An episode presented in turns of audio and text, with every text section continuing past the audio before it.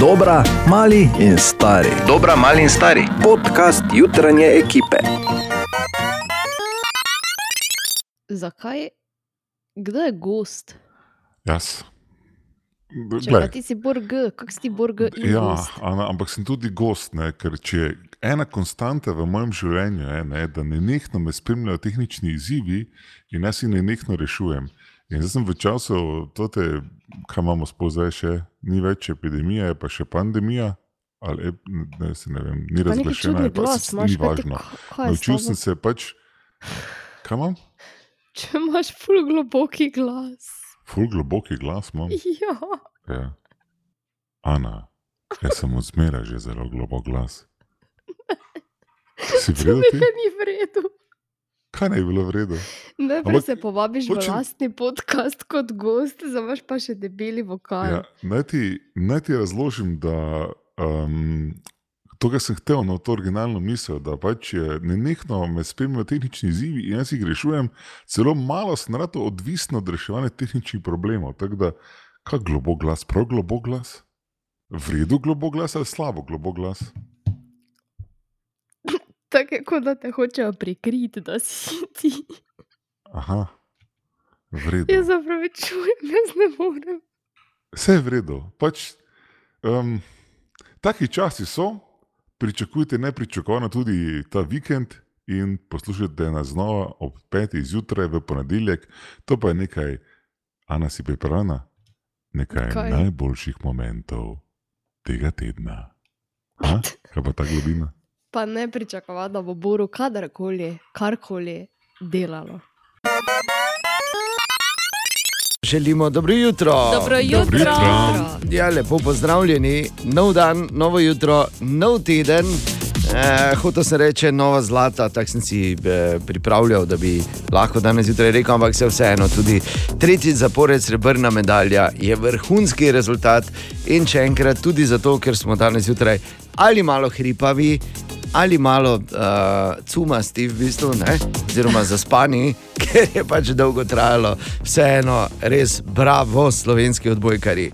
Vrhunska predstava na tem Evropskem prvenstvu in srebrna medalja. Moram pa reči, da če se bom česa naučil, oziroma če bom kaj vzel s sabo iz tega Evropskega prvenstva, pa je to beseda challenge. Dobro jutro.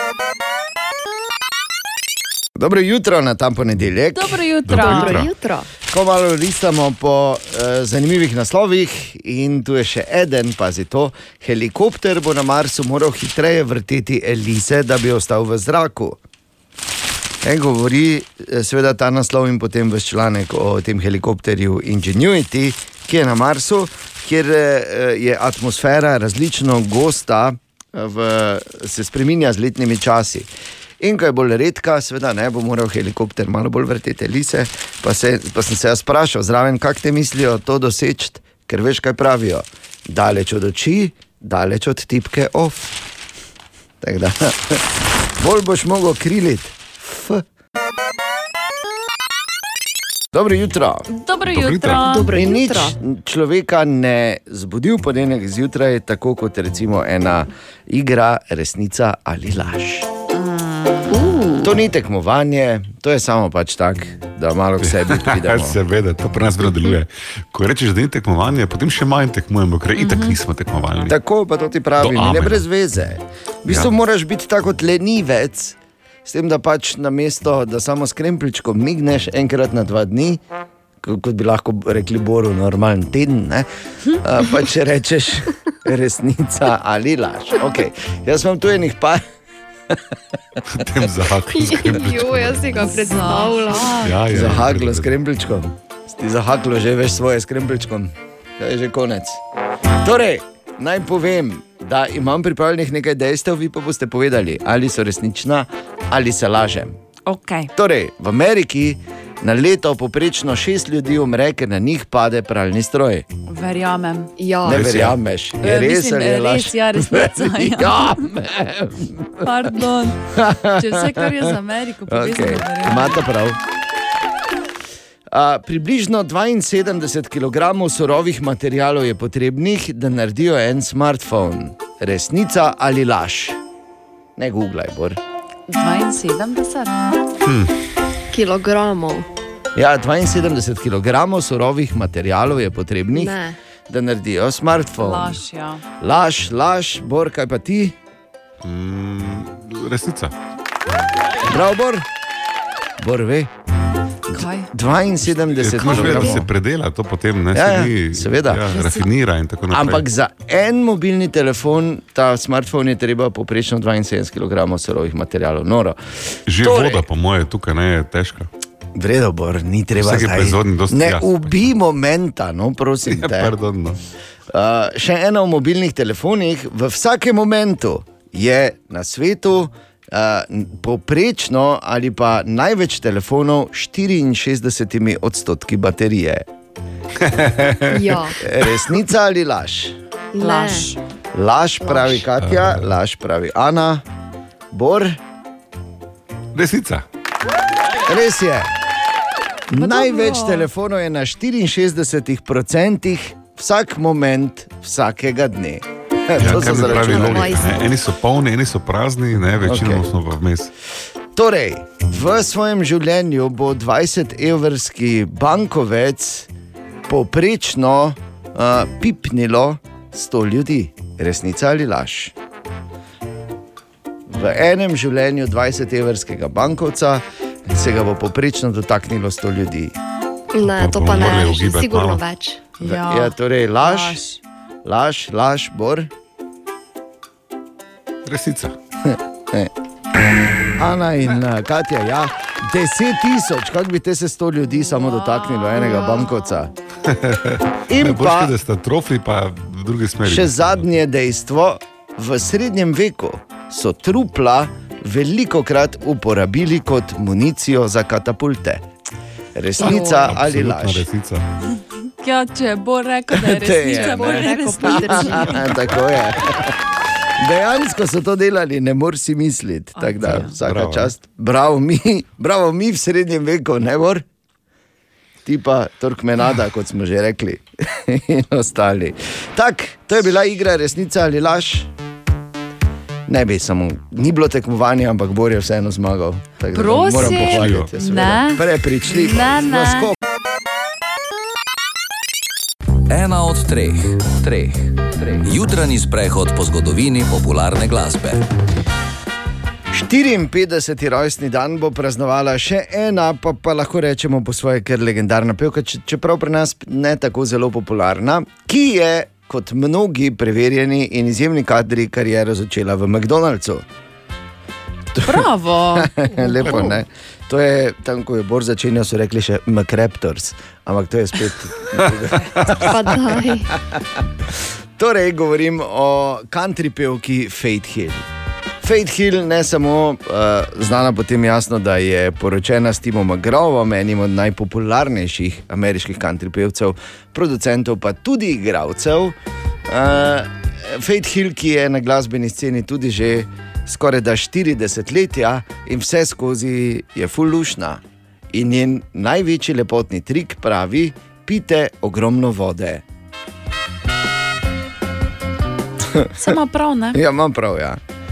Gazirane, pa zraven, ne, laški rizli. Ne, ne. ne zdaj Taki cajti so. Ne, ampak Fate Hill je seveda eh, v teh eh, skoraj da 40 letih na glasbeni sceni imela številne hite, hite kot so denimo This Kiss. It's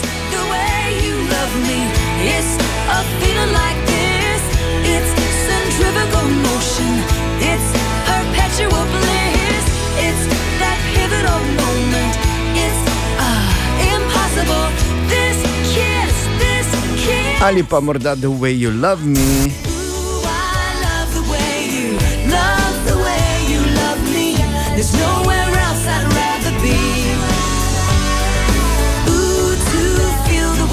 A morda pa jo poznaš po njeni ljubezenski temi iz filma Pearl Harbor. In my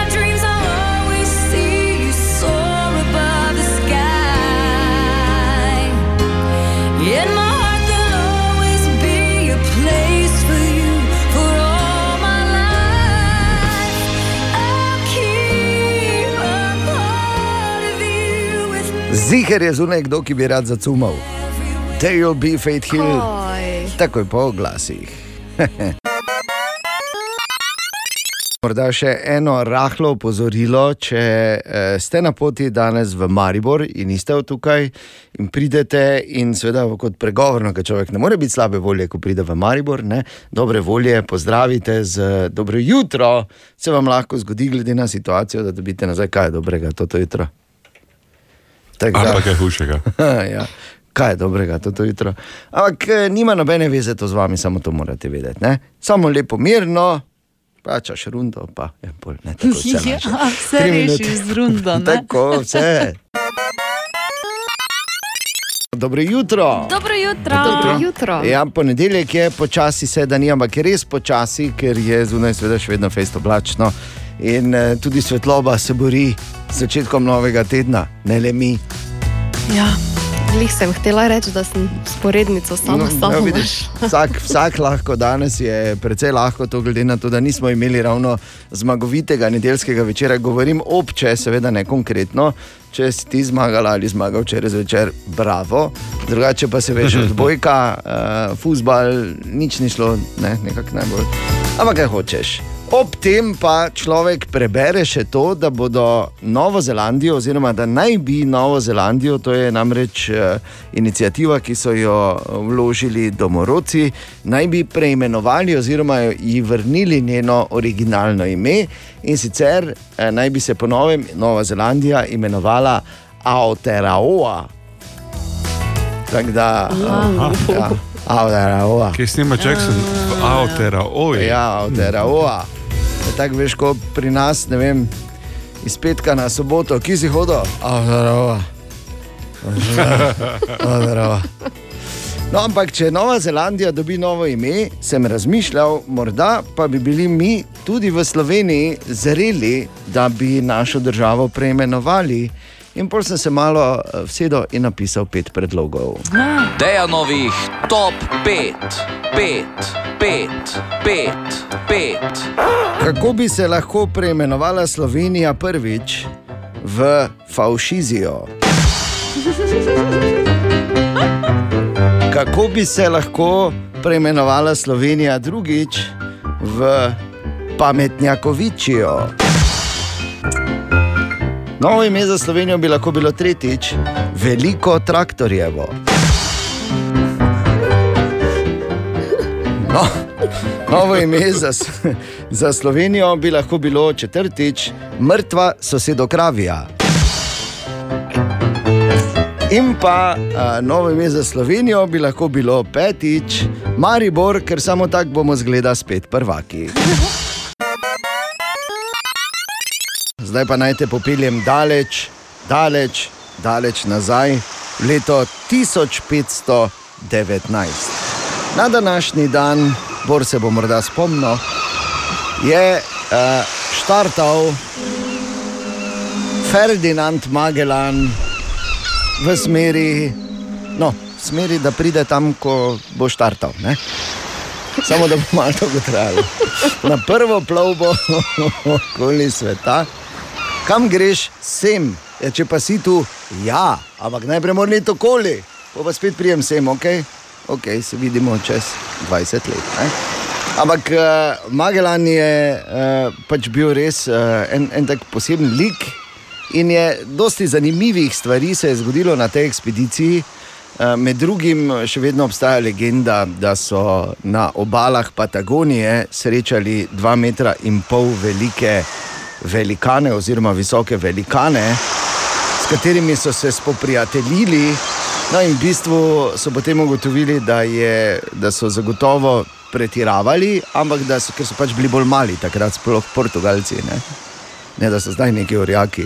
Ampak. Ja. takrat so bili še nižji in uh, so srečali pripadnike plemena Tehuelče, ki naj bi bili precej visoki. Ne, torej, višji od njih, vsaj za pol, in pol, oh, dva metra pa pol velikani. Oh. Prav Magellan je bil tak, ki je dal Tihemu oceanu ime. Ne? Zapisal je, ko so šli preko Mar Pacifiko, Pacifiko oziroma Mirno morje. Tiho morje, zato danes Tihi ocean. To je rečemo zato, ker je Magellan tako rekel. Uh, bil je uh, zagrižen kristjan, zaveden kristjan in je hotel, hotel pokristjaniti vse, kar je srečal na svoji poti, in to ga je stalo tudi življenja. Namreč na Filipinih je uh, srečal kralja po imenu Lapu Lapu in mu rekel: Lapu Lapu, ti boš kristjan, pa je Lapu Lapu rekel: F. In pol je Magellan rekel nič, pol pa z ognjem in mečem in je zažgal njegovo vas, lapo, lapo je pobegnil in uh, zbral može, prišel nazaj in uh, Magellan je šel na smetišče zgodovine, kot se reče. Ne? In še vedno vsako leto na 27. aprila na Filipinih uh, uprizorijo to bitko, kjer kralja Lapu Lapuja vedno igra najbolj znani filipinski igralec. Magellana pa pač kdo ga najde? Mislim pač, kdo je pripravljen zdaj. Niso nekaj ponosni na njega. Pravzaprav nikoli ni on zares obplul sveta, ker če je štartov v Španiji in prišel do Filipinov, je še vedno malo falilo nazaj do Španije. Tako da je prvi, ki je dejansko obplul, sicer po njegovih načrtih, planet, je bil Juan Sebastian Elcano, ki je pač potem z njegovo ladjo priplul nazaj v Španijo. In pa prvi, ki pa je zares obplul svet, pa je bil Magellanov uh, sužen po imenu Enrique, kajti Enrique je bil iz Filipinov, kar pomeni, da je že prišel iz Filipinov v Španijo. Ne? In ko je Magellan krenil, je prišel do Filipinov okoli. Ne, je Magellano še vedno falilo, oziroma pač Elkano še vedno falilo četrt sveta nazaj do Španije, medtem ko je Enrique že bil okoli. Ja, no. Kakšne cake. Ja, dajmo se, ne? Cake, da se ne pogovarjamo o pesmi, ki so si jo pili, da so se malo dvignili, ko so rekli, tako, zdaj pa gremo. Ne, in ko je malo morala padla, je vzel Magellan orglice in skupaj so zapeli.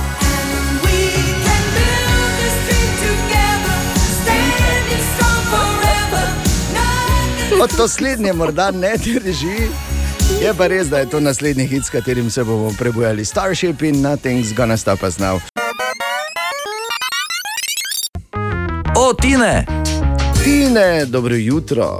Dobro jutro. Zdravo, Tine. Dobro jutro. Čeprav O, o. vse rečeš, kaj je dobrega. Jutro bom rekel samo, Kaj kaj ja, kaj Ene je? stvari Ja, še nisem dobre najdel danes. No. Kava je bila No. skuhana, No. limonado si imel tu nastavljeno in ti o nedobrih stvareh danes zjutraj. No, mal, malo smo tukaj zdaj preveč površinski. Jaz bi hotel povedati, da v urinu je zaslediti manj um, COVID-19. ne. Kaj? Pač kaže analize, ne, da, da Wow. veš, običajno so to natančnejše analize kot pa testiranje.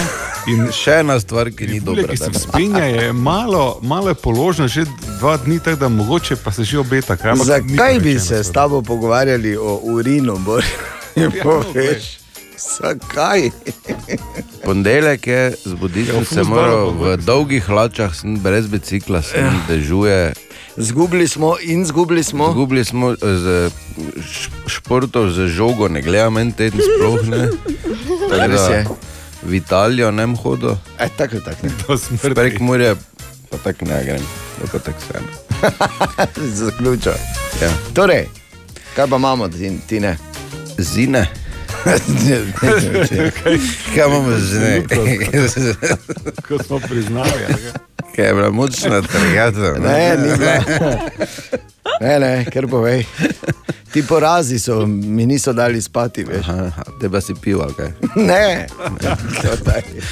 E, Skratka, no, če poleg vsega naštetega vam recimo še e, iz ust smrdi, ne, zna biti težava. In ko se to zgodi, vzamete e, eno rezino kumare, sveže, jo date tako na, na nebo gor v ustih, pa držite tako z jezikom 9 ja. sekund, pa ba je te fitokemikalije v eh, kumari uničijo bakterije, ki povzročajo slab zadah. O. Evo.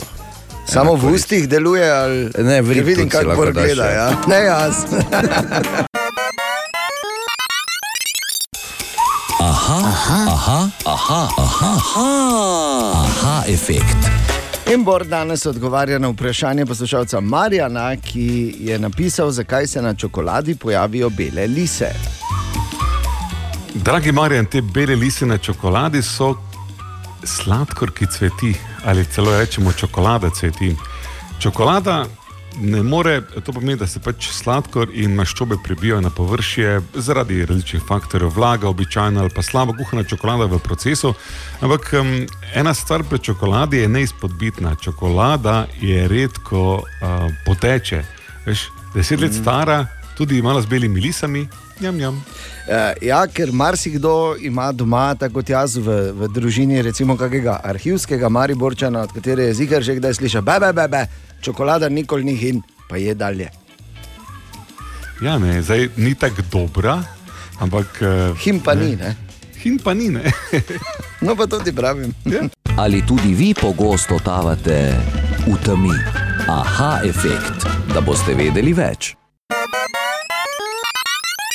Želimo dobro jutro. Dobro jutro. jutro. Dobro A, jutro. malo čitamo še te zanimive naslove tam zunaj danes.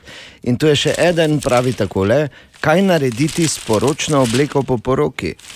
Zelo preprosto. Shraniš jo za naslednjo. Ne? Pa daj, no, ne. Eno stvar bom uh, samo povedal, zdaj je na vse zgodaj. Veš, ko krompir lupiš, pa poznaš tisti noži, ko so lupilniki za krompir. Mm -hmm. Ko lupiš z njimi krompir. Ne? In ker so vsi krompiri, niso, recimo, tako bom rekel, perfektno okrogli. Ne?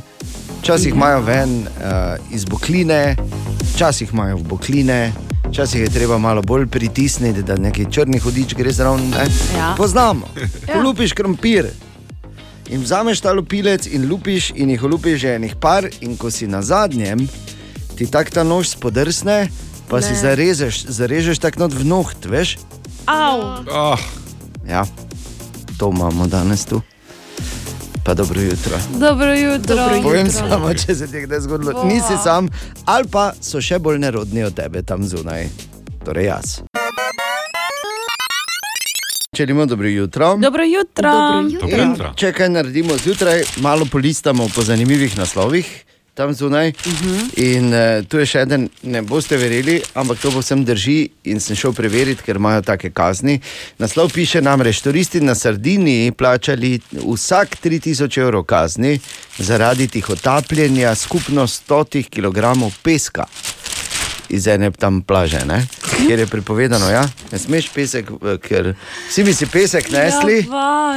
In pol imaš plaž, plažo, kot pri Umagu. Ne? Pa kaj In tega- daj. Tega jih je strah na Sardiniji, zato ne smejo in so jih eh, dobili, so jih, da so v flaše noter dali, ne vem, garderobo. Jo, Ja, konji. ljudje. To pa res, ne. Pa na avion, ne. E, in vsak lepo tri ure, hop. In jaz sem bolj razmišljal, kakšne visoke kazni samo za pesek.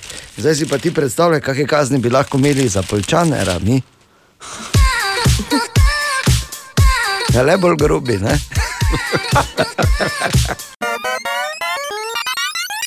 Počasi, ne se forsirati, vseeno je še zgodnja jutranja ura. Danes je 21. september, želimo dobro jutro. Dobro jutro. Dobro jutro. Dobro jutro. In danes je Mednarodni dan miru.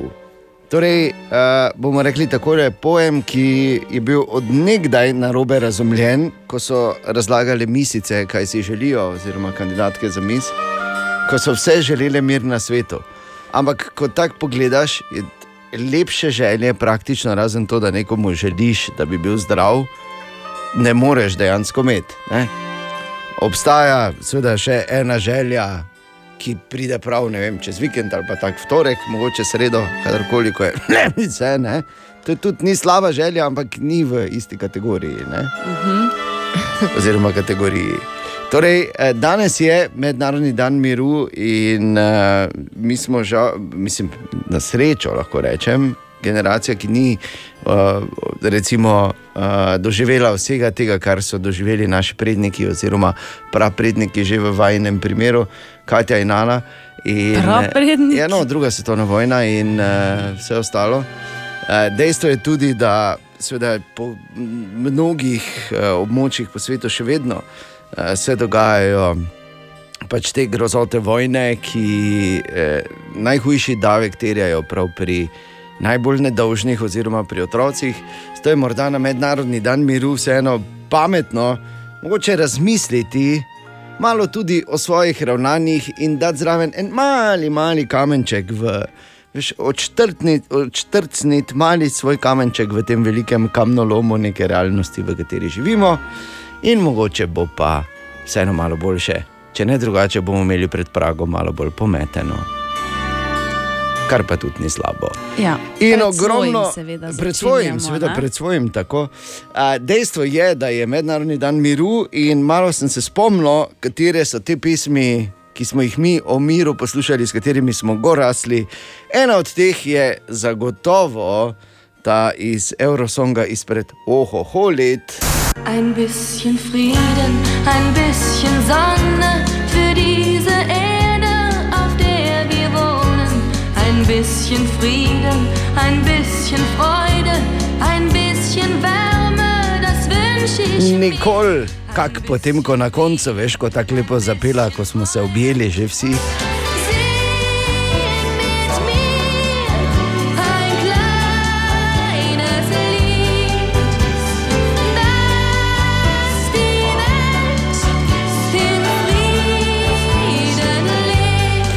Ali pa ena od teh eh, najbolj legendarnih, ravno na to tematiko, Johna Lennona, Give Peace a Chance.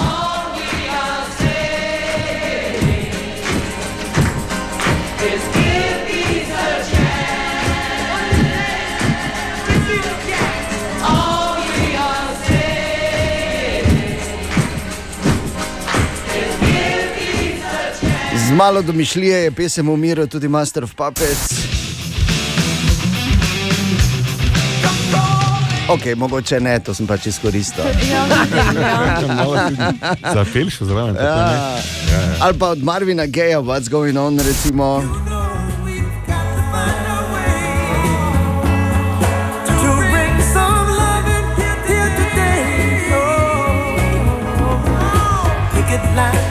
Bob Marley, One Love.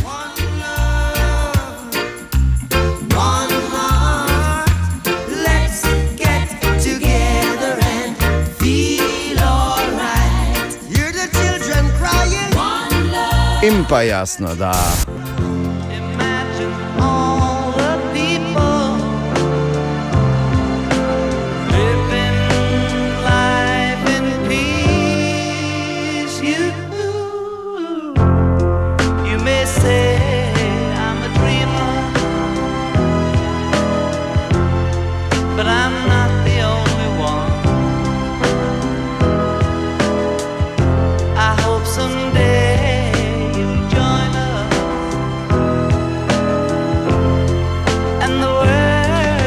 zagotovo najlepša. Napisana kadarkoli, o miru, morda napisana kadarkoli. Imagine, na svetovni dan miru, da malo pomislimo. Web, web, web, web check. Mi pa bomo preverili, kaj postajo, repostajo, šerajo, hashtagajo, lajkajo, hejtajo, pa si tako zapomnijo. To slednje, verjetno bolj malo. Ne? Ne, to si per, takšna količina informacij, da ne gre. Ja. Ne. Vsaj ne vsem. Bor si vse zapomni, Bor vse ve. Normalno. No, No. kaj je Toni Cetinski naredil, Bor? Uh, kaj on ni naredil? Ja, to one Ja, no, pač povem ti, Sladka eh, številni dobri izigravanja. albumi, nekaj malega zlorabe drog. Na zadnje? Ja. Na zadnje. Ne vem, kaj na zadnje naredil. Eh, Ponovno se je poročil s svojo sicer že znano izbranko Dubravko, s katero sta se poročila dva, leta 2014 v Las Vegasu, no sedaj sta obnovila za obljube v Istri v cerkvi. Noro. Lepo, Zelo lepo. Hm, krasno. Britney Spears se je po tednu dni brez družbenih omrežij ponovno vrnila nazaj na Instagram in seveda že objavila dve fotografiji. Evo, vidiš, ne. Imela dolgo pauzo, bomo rekli. Ki Uh, sem jo mimo grede jaz kot uh, znani uh, ta. Britnofil. Uh, ne, Influencer. radijski Nostradamus. Napovedal, ker če se spomniš, ko si prvič to rekla, sem rekel, če bo zdržala dva tedna, snem z bicikl. ja, No, zdržala je teden dni. No, ne rajem biti bicikl, super. Super novica za vse, ki vas oziroma nas je strah pajkov. Sedaj se lahko učite premagovanja strahu s pomočjo aplikacije Phobis. Uh, v Lepo. bistvu si lahko na različnih razdaljah ogleduješ pajke, mimo grede tudi projiciraš na roko, Lepo. ko težko že govorimo o tem. Resno? Uh, ja, naj bi pa bilo dejansko znanstveno dokazano, da aplikacija pomaga pri premagovanju wow. strahu. Da imaš ti taki akutni primer arachnofobije, Ja, to pa smislil. govori. Oh. Ah. Gre za to fobijo. Jaz sem eh, dejansko uspel uh, doma v bistvu vse pripraviti do tega, ker pajki so izjemno koristne živali in Ja, jih ne ja. ubijamo. Ja, sej. Da so zdaj, da so jih sprejeli vsi, da ni več nič noben, a pajek ali pa ne, ali pa joj ne. Ne, sej, veš, ne zgleda tako, jaz ga pustim. Mhm. Lahko ima sobo za sebe do konca življenja, tak sem jaz. Dobro, dobro. In pa na kitajskem so omejili uporabo aplikacije TikTok. Otroci mlajši od 14 let so bili premaknjeni v tako imenovan Youth Mode. Ki v bistvu uh, pomeni, da aplikacije ne smejo uporabljati več kot 40 minut dnevno, plus tega zaklenjena je med 10 uro zvečer in 6 uro zjutraj. Pametno. Še 40 minut je preveč. Ja, ravno sem htela Ker se opravičujem, samo te vsebine tam, Ja, niso ravno kvalitetne. Ne? evo, ker druge pa so. M- Imaš prav. Webcheck. Eh, Danes je 21. september, to pomeni 9 dni pred Sidikino premiero novega Jamesa Bonda. Uh. Ja, eh, V ko- kino gremo, kaj je Ja, to možno. spet, ne? Kaj to lahko možno? greš. In to Bonda. Ja. Ja, pa ne, pa vsi ti kina premere je pač poseben dogodek. Ne? Vsi smo notri, gledamo, vsi pravijo, bor zdravo, kak si, koliko se ja. mi kupujejo, čestijo me. Naj samo povem, Na noge masirati, na onem sedežu, vi pa ste neko no. da ne, haj. Se mi pa ne. Wow. Kaj Bor uh, govori, ja, končno gremo v kino, ker on gre samo, kaj je zastojn. ne. Ker devet dni do Sidikino premiere novega Jamesa Bonda in lahko si vmes čas krajšaš recimo s tem filmom. Tragična zgodba, v kateri umre prijatelj ali družinski član? Ja, Maščevanje. ja, Puno barab z mitraljezi, ki nas zna streljati. ja, En detki s pištolo na 700 metrov, vse z prve trofi. ja, Detki pune resno gleda, pa ful malo govori. ja. Jason Statham je H v novem akcijskem trilerju Gaja Ričija. Pa na koncu je neki mini preobrat, ne? ja. Ja, valjda, da je. Dnevi besa v Mariboku. Vsi umrejo na koncu. Hvala. Želimo dobro jutro. Dobro jutro. Dobro jutro. Ja, pa kak smo? Ja, pa Ja, super. Noben ne vpraša, noben ne vpraša, kak ste. Kaki so, ne? Ja, noben nas ne vpraša. Ja, kak ste? Evo, Super, ste? V vedno redu? boljše. Pa to rad slišim. Kavatija. V redu. Jaz imam eno poslovno idejo. Ne, Kaj bom povedat- začel? Ne, ne, ne smeš povedati. Dobro, mogoče ni zdaj realna. Aha, Ampak okej. to pa vseeno. ne, da bi Zdaj, zdaj bi lahko začel štartom SP, ki pobere en evro od vsakega, ki zdaj v teh dneh reče: Uh, kako pa je že hladno zvečer. Ja, kako boš Ja, samo res. Jutri je prvi jesenski dan ljudje, tako da Ja. normalno je, da je hladno, prosim, lepo. Au, kako je že mrzlo zvečer, a ja, zdaj pa je fertik, ja, ja, ja, ja, ja kak se sonce skrije. Želimo dobro jutro. Dobro jutro. Dobro jutro. In nekaj moram Katjo vprašati.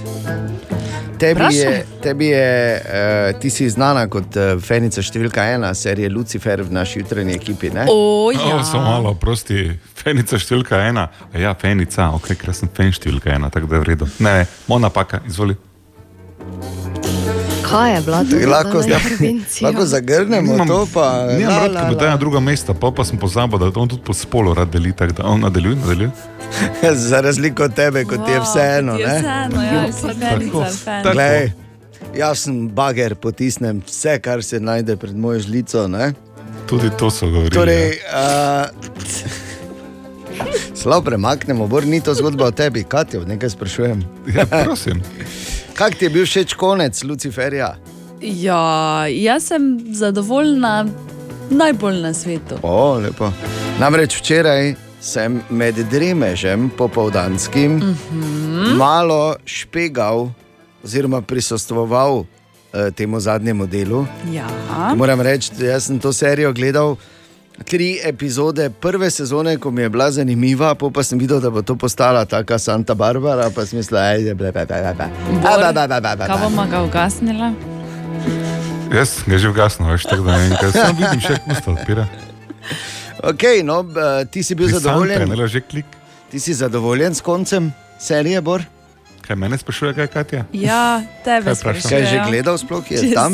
Ali pri tretji sezoni? Ja, vredo sem, eh, mislim, zadovoljen. Da ne boš tak, povedal. Ne, me- meni je bila s tem nadnaravnim vedno A. zanimiva zgodba, ampak to na koncu s tem, da so. Ne povej, Ne ne, smeš povedati, povej, kaj si hecen.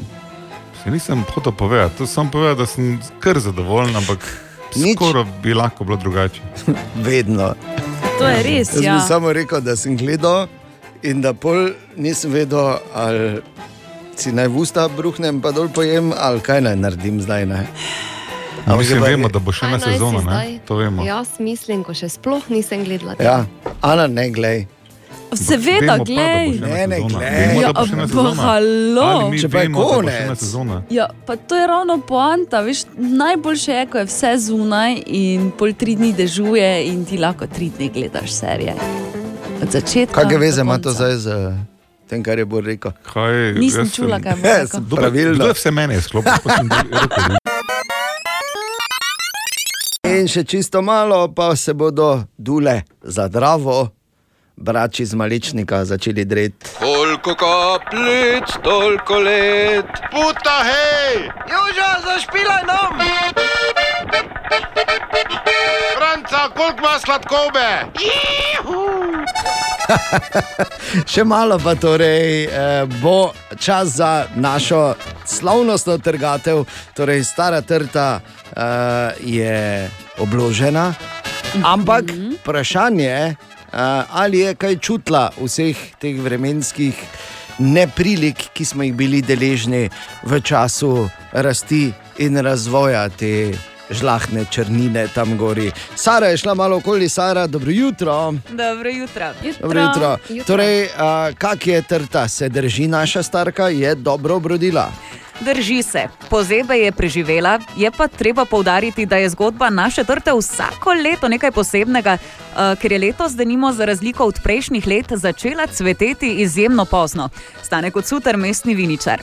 Od leta 1987, odkar imamo podatke o začetku cvetenja, beležimo, da je bilo to cvetenje najbolj zgodnjo 8. maja za začetkom in najbolj pozno 19. maja.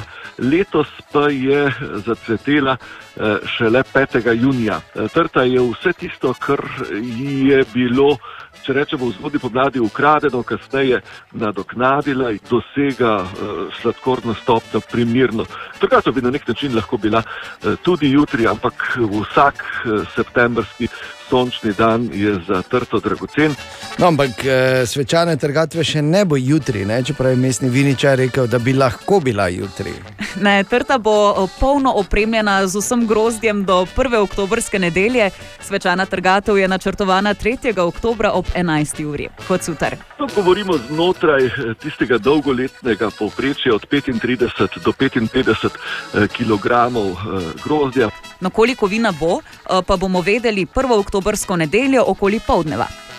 Tako, 1. oktobrsko nedeljo in takrat bodo spet hodili okoli, pa bodo pazili, ker vemo, da obstaja en starejši mariborski radijski novinar, ki vsako leto hodi, pa hoče cukniti. ne. Pride z prazno liter, pa pol radensko. Ne? To za zdravje malo. ne. Zraven. Malo mošta, ne? da imaš do doma. da, da te do doma odpre. Torej, prvi vikend v oktobru bo spet na Lendu najstarejši trti na svetu. Koliko kapljic, toliko let. Puta, hej! Juža, zašpilaj nam! Franca, koliko ima sladkobe? Dobro jutro. Eno stvar pa moram priznati, zdaj sem se ravno, oziroma malo prej sem se spomnil. Moram podeliti s tabo, če ti recimo ni šlo ena plus ena, ko si pogledal ali pogledala v svojo podobo v gledalu. Mhm. Naj Povem, da sem se jaz danes zjutraj zbudil tako zažvekan, da mi Face ID ni delal na telefonu. Dejan, dejansko sem moral kodo vpisovati. In niti približno ni tako smešno, Katja. Tak, da, je, ne ja. pa ni. In vprašanje za Hajfek za danes, Katja. Imamo aktualno vprašanje iz uh, v bistvu prejšnjega termina o Tine. Ja. Če je res, da ima Nizozemska dve glavni mesti. A, Je, nekdo to so- posluša. To je kategorija enostavna vprašanja, kompleksni odgovori. Da, zdaj si idete po sendvič, nekaj za pici, zajmete čaj, se greste, če ni vroč, kavo, če zdaj niste spili, ne vem, kako bo. Tajno bor. Verjetno ja. ne bo tako kompleksno. Ne? Uh, v vsakem primeru pa torej, zelo zanimivo vprašanje, uh, ali ima res Nizozemska dve glavni mesti. Lahko bi rekli, po mojih izkušnjah, tudi če bi imeli štiri, me ne bi presenečalo. Niti, niti ne rabimo Okej. vseh ostalih, ne, samo eno je pravo. Ne, ja. Naj samo dam spoiler. Ni to tako, da imeli so eno, pol so pa kadili, pa so imeli dve. Ne, Ne, ker te bi imeli štiri, kot se Tako. reče. Podrobneje v high-efektu, ki sledi. Aha, aha, aha, aha, aha, aha, efekt. In Bor danes odgovarja na vprašanje, ali je res, da ima Nizozemska dve glavni mesti, zanima pa seveda to Petro. Bor, Um, seveda ne bi bili mi, mi, če ne bi se naslonili na pomoč poslušalcev in tako pravite vi. Nizozemska ima dva glavna mesta. Glavno mesto se odreduje tako, da v njemu mora biti sedišče vlade, parlamenta in glavno sodišče, torej vrhovno sodišče. V Nizozemski je to ločeno, sodišče v Hagu, ostalo pa je v Amsterdamu. Tako da Nizozemska ima dva glavna mesta, samo to povete. ja, povejte ja. mu. Povejte mu. In povedali so mu, in res je, Nizozemska ima dve glavni mesti, eh, zgodovinski razlogi za to so pač nizozemski. Eh, Ni res, da ne bi imeli denarja, da ne bi vse inštitucije spravili v eno mesto, ampak pač eh, nizozemci so posebni, v ustavi imajo zapisano to ločenost, ali so zaradi tega, kaj bolj demokratični, kaj manj centralistični, eh, pa niti ne. Zgodba je še bolj komplicirana, ker ima posamezne pokrajine, posamezne glavna mesta, ki jih zelo spoštujejo, ampak roko na srce, um, meni je največji problem tam, da sem jaz tam absolutno mali. Zato ker poprični nizozemec je visok tam skoraj že 2 metra, vsi imajo grozno brado. In eh, to, da imajo dve glavni mesti, je, verjemite, tam najmanjši problem. Če ne Mm. verjamete, Sinterklas.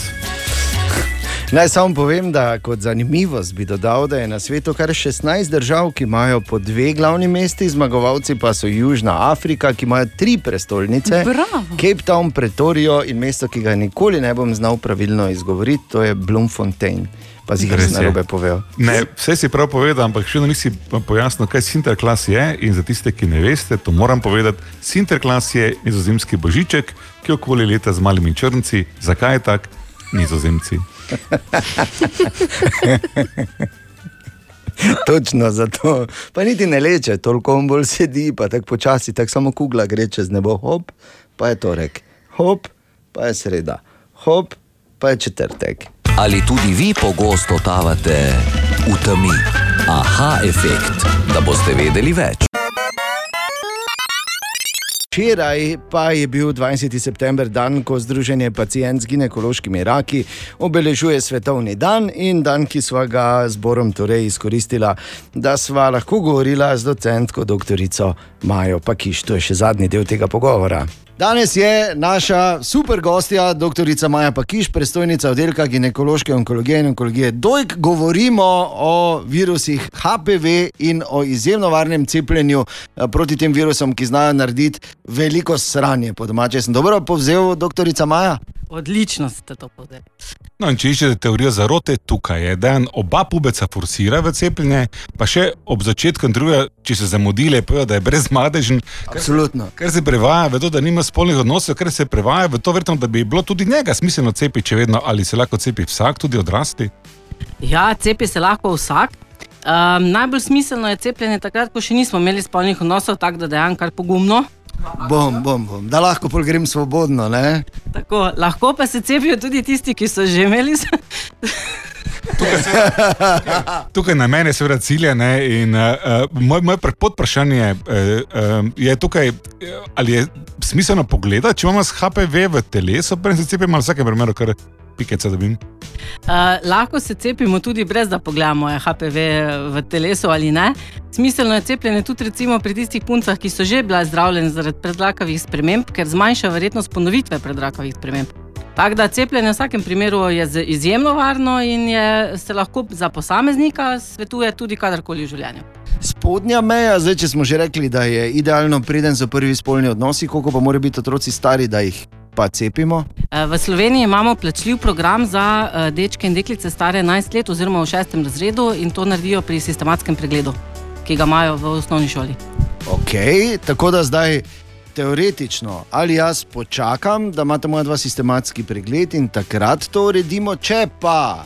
Kakšna je torej procedura, če bi želel cepiti ali pa moral cepiti mimo sistematskega pregleda? Ja, eh, za tiste deklice in dečke, kjer se starši niso strinjali z cepivom, se lahko po 18. letu sami odločijo. Eh, Na NJZ so cepljenja, eh, tja se sam pokliče, pove, da bi se cepili. Deklice se lahko pa cepijo tudi pri izbranem ginekologu, tistem, ki ima cepilni center, recimo pri nas v UKT-ju ga imamo. A, ena stvar še, stranski učinki. Eh, Pravzaprav za to cepivo ni opisanih nobenih resnih stranskih učinkov, sploh razen to tisto malo, da te rokice boli kakšen dan, ampak mislim, da to vsak enak zmore. Ja, ne bi bil tak ziger, niste z Borom delali nikoli. No. Tako da Bor zdaj, če na kratko povzameva, HPV. HPV je virus, zemlja, svinjarija, ne? zemlja ni ploščata, cepljenje deluje. In Luna ni projekcija. Luna ni projekcija in to zdaj posebej, bili smo na Luni. Absolutno. In uh, doktorica Maja, jaz se res uh, v imenu vseh uh, staršev v bistvu zahvaljujem za, za čas, ki nam je bil namenjen in za vse super koristne informacije. In še enkrat več, HPV, cepljenje, preventiva, 100% varno, doktorica. Razen v enem primeru, ne, torej, lahko ste kot dejan.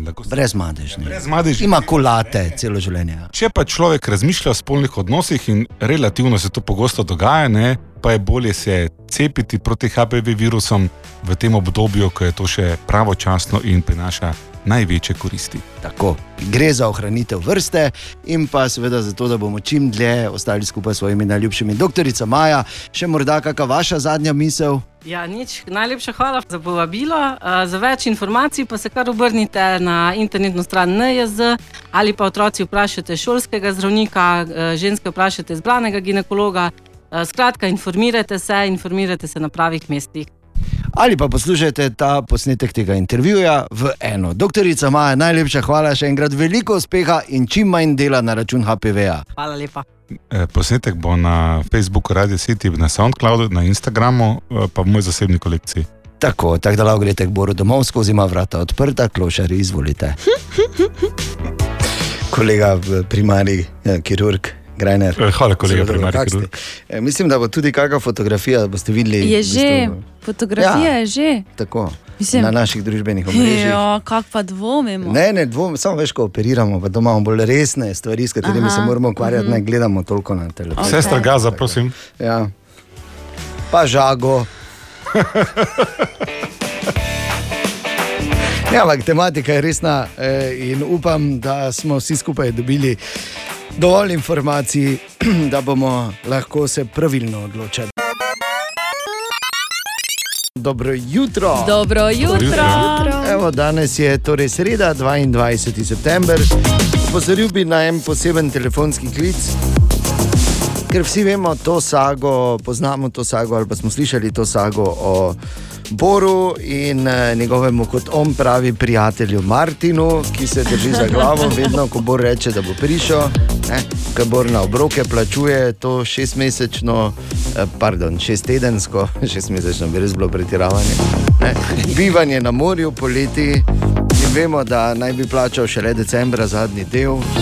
In čeprav Bor trdi, da je eh, v bistvu eh, že vse skupaj eh, zdavnaj poravnal, kar vsi vemo, da ni res, ne? ker pač če le, ne, do zadnjega reče Pigor, ste gledali eh, Desolation of Smoke.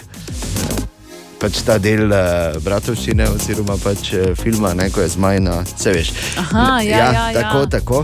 No, skratka, v Hobbitu. Uh, in je včeraj zvečer, ko se nekaj pogovarjamo, reče Bor, opa, imam en zanimiv klic in si samo slišal, halo Martine, s tistim izrazom na obrazu, tako da ni še bilo nič natočeno, ne? Martine, prijatelju, ne jih slušati, samo ti spremi, a Ja, ja, ja. dolazim. Martin ti bo zdaj nazaj poslal, o, se upravičujem, uh, nimam več, veš, porušil sem. Še enkrat, dobro jutro. Dobro jutro. Dobrodošli, nov dan je danes in sicer sreda 22. september. In uh, preden uh, sploh gremo dalje, imam jaz tu eno vprašanje za vas. Ali se vi zavedate, da so zunaj ljudje, ki imajo skrivne račune na družbenih omrežjih? Hm? Ali je to sploh možno? Seveda Da živimo v družbi, kjer ljudje niso iskreni. Jaz sem v šoku, Ja, res si, ne? v totalnem šoku. Sploh ne vem, kako se bom pobral. V bistvu, mislim, da sem se pravkar lupat, me boste mogli iz tepiha. To bo. Špohtlom te Ja, seveda. Čist me je razrušilo to spoznanje. Ampak eh, eh, prebral sem, da ima Matt Damon skrivni račun na Instagramu in pazi, veš, kako se mu reče. Matt Damon's secret account, ena beseda. Wow. Bravo. Dobro, ne? Daj, no. Sigurno, da ven ne ve. To se skriva, se, eh, ko ga je naredil, oziroma prvi mesec, se mi zdi, je imel 74 samo sledilcev. Po pa so razve, se razvedeli, da to dejansko je Med Damon, ne, ki se je malo skrival na odprtem, kot se reče. Uh -huh. In zdaj jaz vas vprašam. Uh, Sveda, morda bi iz te debate izvzeli Bora, ker njemu so že vse zaplenili. Ampak, če bi imel skrivni račun, recimo na Instagramu, ali pa imela, kako bi se ta račun imenoval? Zdaj moraš Ja, povedati si- nekaj čist drugega, kar imaš v resnici. Ne, sigurno ne. Skrivnostni ali pa skriti račun. E, jaz bi imel Nataša Vajdič. To mi zdi tako. Kaj? Ja, glej, noben ne je pomislil, da je to moj, ne? Darinka Vajdič je bila moja profesorica matematike v Tudi srednji moja šoli. Resno, Resno jutro. Darinka. Ja. Dobro jutro, če si budna. Dobro jutro, Darinka. Hvala za Ja, vse jutro, integrale. sestra. Res hvala.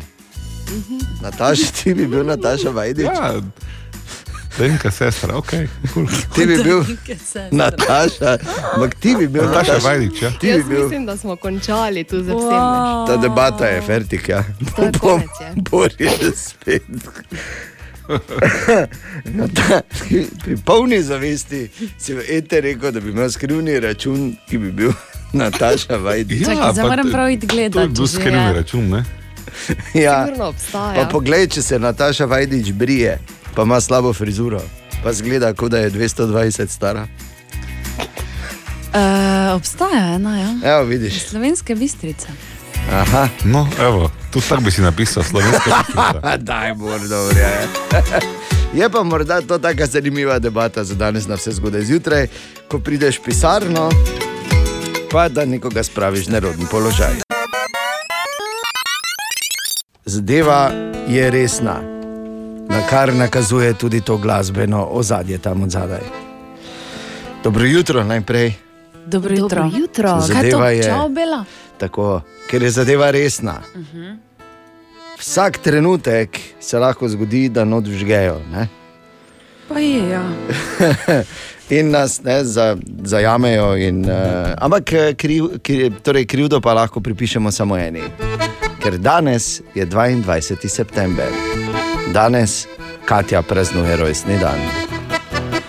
Katja je seveda uh, posebno dekle z zelo, zelo posebnimi, uh, bomo rekli, takole, momenti. In bomboni, ki jih trosi vse skozi na svojem zaključimo? delovnem mestu. Ne, Že ne, tukaj bi Katja, Če imaš danes rojstni dan, Ja, in Ja, kaj in. Katja, ki je recimo med drugimi v svoji zgodovini povedala, jaz ti Ostane. podajam tu življenjske nasvete, Hm. zakaj pa je mehko, pa, pa ni več trdo, pa ne vem. Dobro, včasih ne govori čisto iskreno. Ne? Katja, ki je recimo rekla, In uh, tako kot bi rekel Dejan, v četrtek se bo malo spustilo. ne, bo malo spustilo. A bo malo Tebi se bo mogoče malo spustilo, kje druge. Ja, ampak temperature reče- se bodo malo Ne, spustile. ne, reče se, četrtek bo malo spustilo. Ne, Katja. Ali pa denimo. Temperaturami do 32 stopinj. In eh, še so možne posamezne plohe potem, oziroma ne, danes ne, pardon, moč- močneje bo redu ti? zapihal veter. Kaj si pod Pojedla kisom še? ja. A pojedla si, dobro. Ja. Bor si slišal? Čestitam. Lepo. Lepo. Ni- Nima kaj dodati. Ja, lepo, ne? Ne, lepo, kaj si to zdaj za rojstni dan same. V bistvu same take res sladke bombončke oziroma tortice ven vlečemo iz zgodovine. Ne? Ja. Ko je recimo Katja rekla, Ta teden nisem devica. ne? Kaj je Katja rekla? Jezus. Kaj je Katja rekla? Velike zize imam. In kaj je Katja rekla? Ja, jaz imam ježeka. Tako. Še imamo kaj? Ne, mislim, Ne. imamo še, bi rada še dodamo. Ne, ne, ne, ne, prosim, ne, prosim, ne. Prosim. Danes- točno toliko, koliko nam daš. Tako, Ja. res je, Ja. in zelo si bila darežljiva v da zadnjem času. radoda- radodarna, In za ja. rojstni dan ti želimo, Katja, da naj se ta darežljivost ne neha. Uh, zdaj si stara 28, torej kljub 27 ne boš, tako da brez veze, zdaj da bi končali vse skupaj. Zdaj pač te bodi stara. Bom probala biti prišla stara, prej. In uh, vse najboljše, da bi se še naprej tako lepo prebujala in imela samo za nijanso boljšo frizuro odbora. Hvala. Web, web, web, web check. Torej, kaj postajo, repostajo, kaj šerajo, kaj hashtagajo, kaj lajkajo, kaj hejtajo, Katja. Teksasu recimo lajkajo, da imajo celo ulico hiš, ki so jih v bistvu postavili s pomočjo 3D tiskalnika. Lepo. In za vsako hišo so potrebovali samo tam med 5 do 7 dni, da so Tako. jo zgradili. Uh, swipe upnem to. Idejo. upneš? Ja. Ne, to, mor- to te moraš. Ni to super swipe? A ja, sem Super super, like, ne? super lajkaš, ja, super like. Super lajkam, To ja, pardon. to, pardon, to, jo, ja, se opravičujem. mislim, okej. Mm, Super swipe je v eni aplikaciji. Sicer. A, ok, te sem pa zamešal. A ja, Tinder, točno. Ne, tisto to je sem super enkrat. like, rav, super like je Super na like. Tinderju. Tak, ja, Bor, Zopet, kak Katja to vidi, pa ne. Ja. Super swipe si ti imel, ko si gledal. Torej, Okay, torej, Ja. Najprej vse najboljše Katja in prosim nadaljujte. tako, bravo. Uh, v novem mestu, eh, mislim, v glavnem mestu. Nove mesto. Zdaj Kje je ste me novem čisto zmedli. Ja. Torej, novozelandska policija je pred eh, njihovim glavnim mestom, Auckland, uh, v bistvu aretirala dva pubeca, ker sta prevažala poln prtljažnik KFC-ja. Pohano kuro sta imela Ja, not. v bistvu imajo celotno mesto dol zaprto zaradi COVID-a in noben ne sme noter, in ven, ona dva sta pa pač. A, Um, Postala podjetnika. tako, pametno, ne? lepo, lepo, lepo. E, Brazilski nogometaš Hulk pričakuje četrtega otroka, tokrat z nečakinjo bivše žene. Eno, le. Pač ostane na Družina nek način ostala, v familiji, tako. Ja. Ma, ne bom komentirala. Ja. In pa žalostna novica prihaja iz sveta serij. Avtori serije Queen's Gambit, ki je ta teden na podelitvi, na podelitvi Emijev, mimo grede, dobila 11 uh, Emijev, Ja. so uradno sporočili, da serija ne bo imela nadaljevanja. Povedali so, da so v bistvu zgodbo preprosto zaključili in da nima več česa zapovedati. Jaz mislim, da je to dobra novica, ne slaba. Da je končno na svetu nekdo, ko ve, kdaj je treba nehati. Ja, v bistvu imaš prav. Ja. Tako. Če bi se le to razširilo še na kakšna druga področja. Ne na vsak, ker sem videl, da je Ana dvignila obrvi, pa vse najboljše Kati. Web check. Naj povem samo, uh, kot, smo, kot je Bor spomnil v novicah, čestitke Tomaš Baradi, res podpredsednik Olimpijskega komiteja, ki bo vodil slovensko reprezentanco, oziroma bo vodil slovenske reprezentance tudi na zimskih olimpijskih igrah v Pekingu. To je uh, vrhunska, glede na to, kako smo na zadnje uh, ga nadlegovali. No, zdaj bomo lahko rekli, da bomo v Pekingu tudi, da nam vsak dan malo, uh, malo pove, uh, kako in kaj uh, samega vodi olimpijske reprezentance, če bomo seveda čas za nas. In seveda nisem vedel, da, uh, da, ima, da bodo olimpijske igre med 4. in februarjem, to pa hvala lepa, Bor. Ne? Da si povedal zdaj v novicah. pa dobro jutro. Sicer pa je danes 22. september, najprej vse najboljše, Katja. In, Hvala. in dobro Vse jutro. Dobro jutro. Tako, uh, Dobro jutro. in dobro jutro vsem ostalim. In dobro jutro vsem. Tako. Joj, koliko obveznosti. Wow, Celih. ja. Pazi, veš, ki kdo kaj reče. Ko rečemo ostalim, mora reči Katja. Ko rečemo Katja, rečemo vsi. Ne? Tako res je. Aha. Ja, bravo. Okay. Le kako Bor zna. Tako zgodaj. Ja, se to ravno. Ja. A, hočem povedati eno drugo stvar, da je zanimivo uh, sopadanje se zgodilo.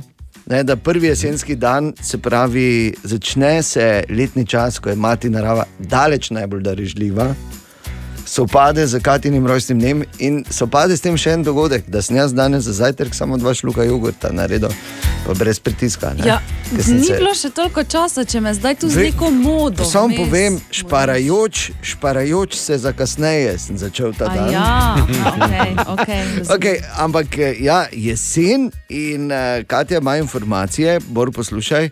Mislim, ja. na eno uho, ker bo to polovico tvoje garderobe v bistvu samo zadevalo. Uh, kaj, kaj se bo nosilo, kaj bomo moški nosili to jesen, kaj bo moderno? Trendu boste, če boste nosili prevelike plašče.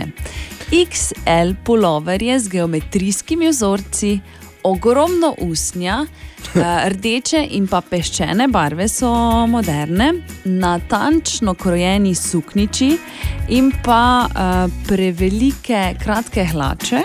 Aha. Puliji, polomajce, kape z logo napisi in pa dolge srajce, majhne torbice, bodite izvirni, drzni in veliko eksperimentirajte. Ja, sliši se kot uh, tisto, ko veš, ko piše pred temi klubi, v katere bor hodi. Torej, kaj sta si Zakaj? zapomnila zdaj? Jaz sem si bi zapomnil, jaz rad vedel. jaz, jaz, bi, jaz sem si zapomnil, da letos jeseni ne bom kaj prida moderen in da moram spet malo počakati, da ciklično pridemo v modo. ne? Ja, ja. Jaz sem pa drug problem. Ne? Je rekla preveliki polover.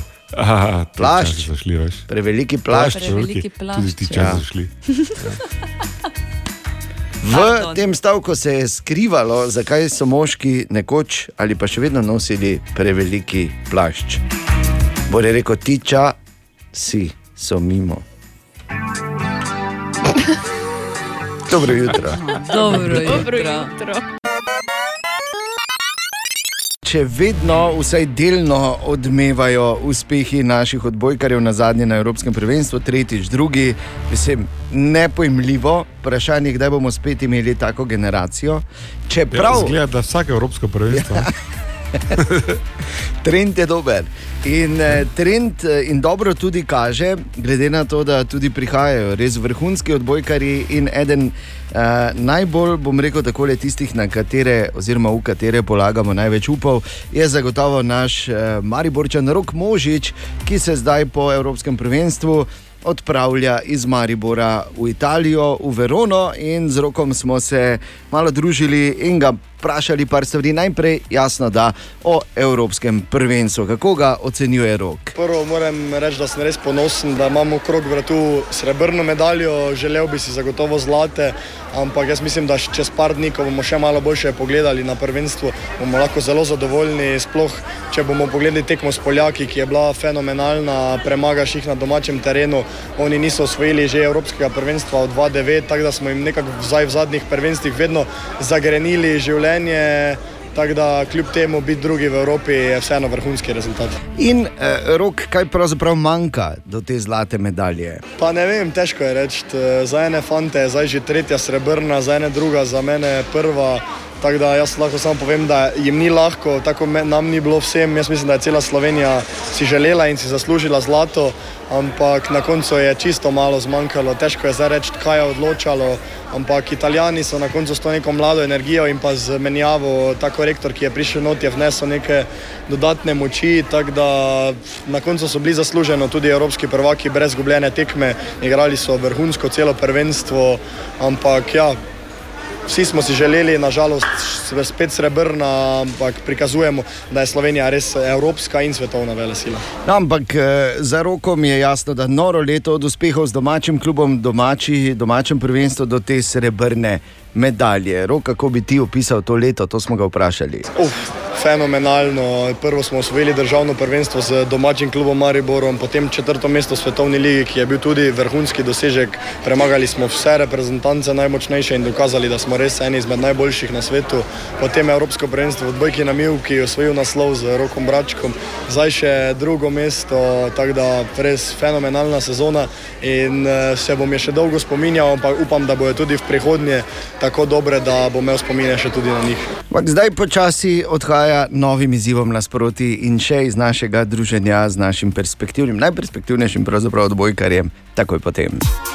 11 minut če sedmo je. Dobro jutro. Dobro jutro.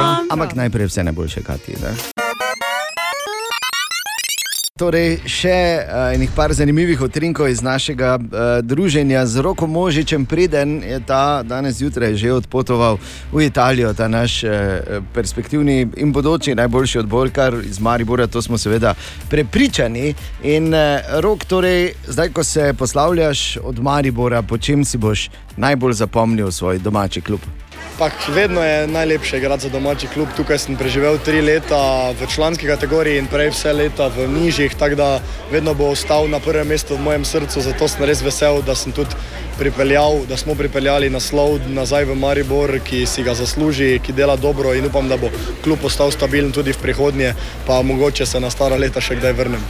Tako. In, ampak zdaj pa v Verono rok. Ne? Ja, eh, ta teden se selim eh, v novi klub, eh, ne bo lahko, že zdaj imam mislim, neke skrbi, pač vse bo na novo, novo mesto, novi klub, novi ljudje, bolj bom sam, ne bom imel več take podpore družine, kot jo sem jo imel tukaj doma, tako da v bistvu se veselim in pa imam neko že, kako bi temu rekel, strahu spoštovanje, ker bo vseeno nekaj na novo, ampak verjamem, da sem tudi tam izkazal, se dobro znajdo, potem pa po nekaj časa bom mi pa tudi že tam domače okolje. Absolutno, in uh, koliko se poznamo, ne, ko gremo z Maribora ven, gremo, da bi osvajali.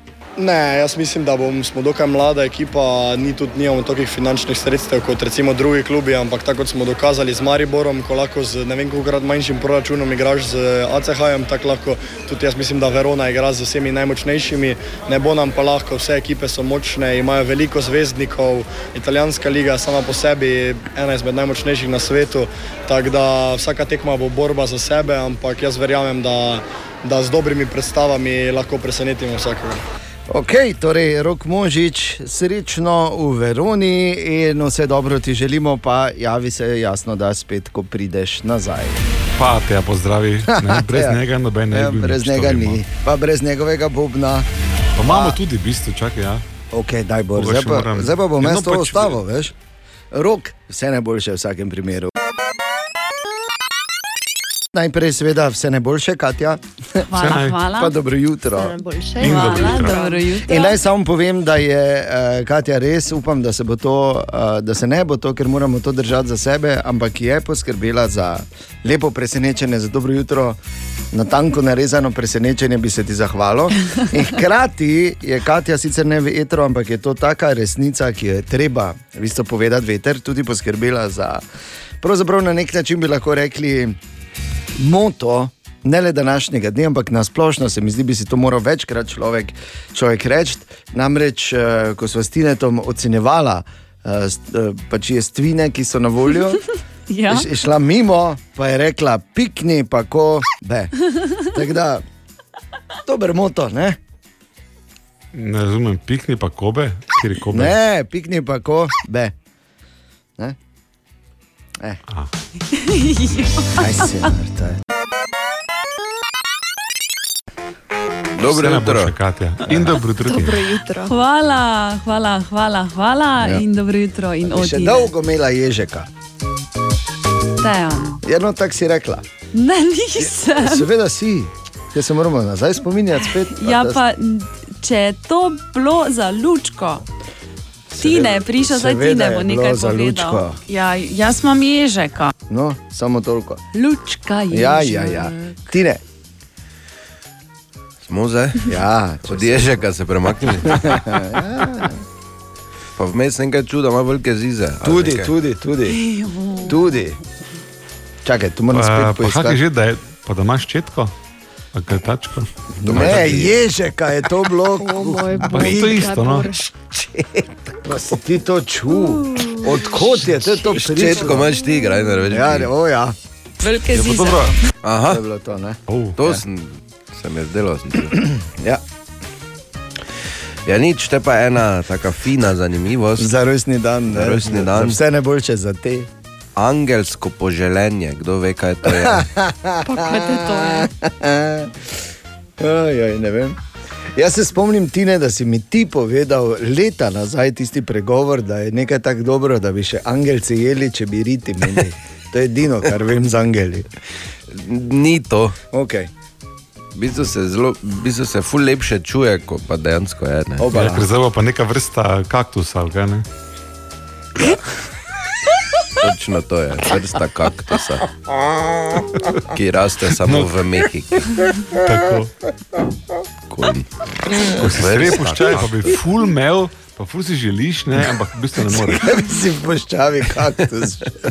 Je ker je Ja, si v ne. puščavi želiš, Ja, da ni, več, da ni več puščave. Recimo, ne? Naprimer, ja. no. Skratka, angelsko poželjen, poželenje. Ja. In To je takrat, ko, uh, v bistvu, ko moški umre, pa potem še dobi erekcijo. Sem vam rekel, da se lepše čuje. Tako da boljše, če bi kaktus bil. To vseeno, Ja, ja, res kaj se pove s tem, ne, da vseeno ni bilo tako slabo. oh, hvala ti, ne, res Ja, ja, super. Pa vse najboljše, Katja. Hvala. Velike zize imam. E pa daj, no.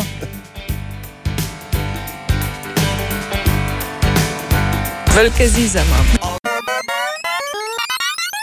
Želimo dobro jutro. Dobro jutro. Dobro jutro. Ja, lepo vse najboljše. Vse najboljše, Katja. Hvala, hvala, hvala. In jaz še vedno, še vedno sem hvaležen na tvoj rojstni dan, Katja, tudi Boru. Da je danes zjutraj povedal, da bodo zimske olimpijske igre v Pekingu od 4. pa do februarja. To pa mislim, kaj.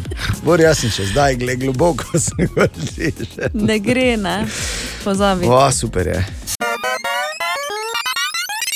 Prvi jesenski dan in v Maribor se vrača tudi operna noč po enoletnem premoru. Eh, Nekaj novosti bo, prva je zagotovo lokacija. Sara, dobro jutro. Dobro jutro. jutro. Ja, zaradi prenove promenade v mestnem parku bo letošnja operna noč na urbanem terenu na glavnem trgu pred mestno hišo Rotovš. Tam bo postavljenih okoli tisoč sedežev, torej enkrat več kot v parku. Koncert bo neposredno predvajan tudi na treh zaslonih na širšem območju trga. Brezplačni šesti dogodek se bo pričel ta četrtek ob 18. Kot praktično vse pa bo tudi operno noč spremljal pogoj PCT, zato organizatorji priporočajo, da pridete mogoče ničkeno prej. Je pa tako, da se na glavnem trgu že vidi, da se bo nekaj dogajalo, odraste. Letošnji repertoar pa bo spremenjen, dirigent in umetniški direktor opere SNG Maribor Simon Krečič.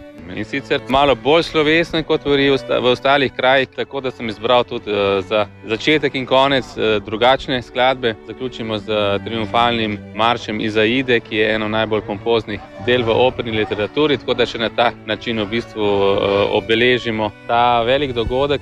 Tako da vnaprej hvala Opera SNG Maribor, Festival Ezelek in Narodni dom Maribor, da bo tale četrtek po 18. uri najmanj čaroben. Ok, seveda, in še enkrat opozorilo, pridi malo prej, zaradi PCT pogoja, jasno da, in pa operna noč je, tako da prosim, a, brez, ne, ni to rock and roll koncert, ne, tako da ne se. Mhm. Zavira, poj!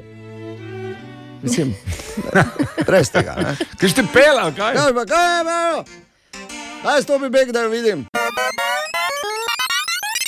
Tu je pa naš priljubljen jutranji segment iz Borove špajze. Bor.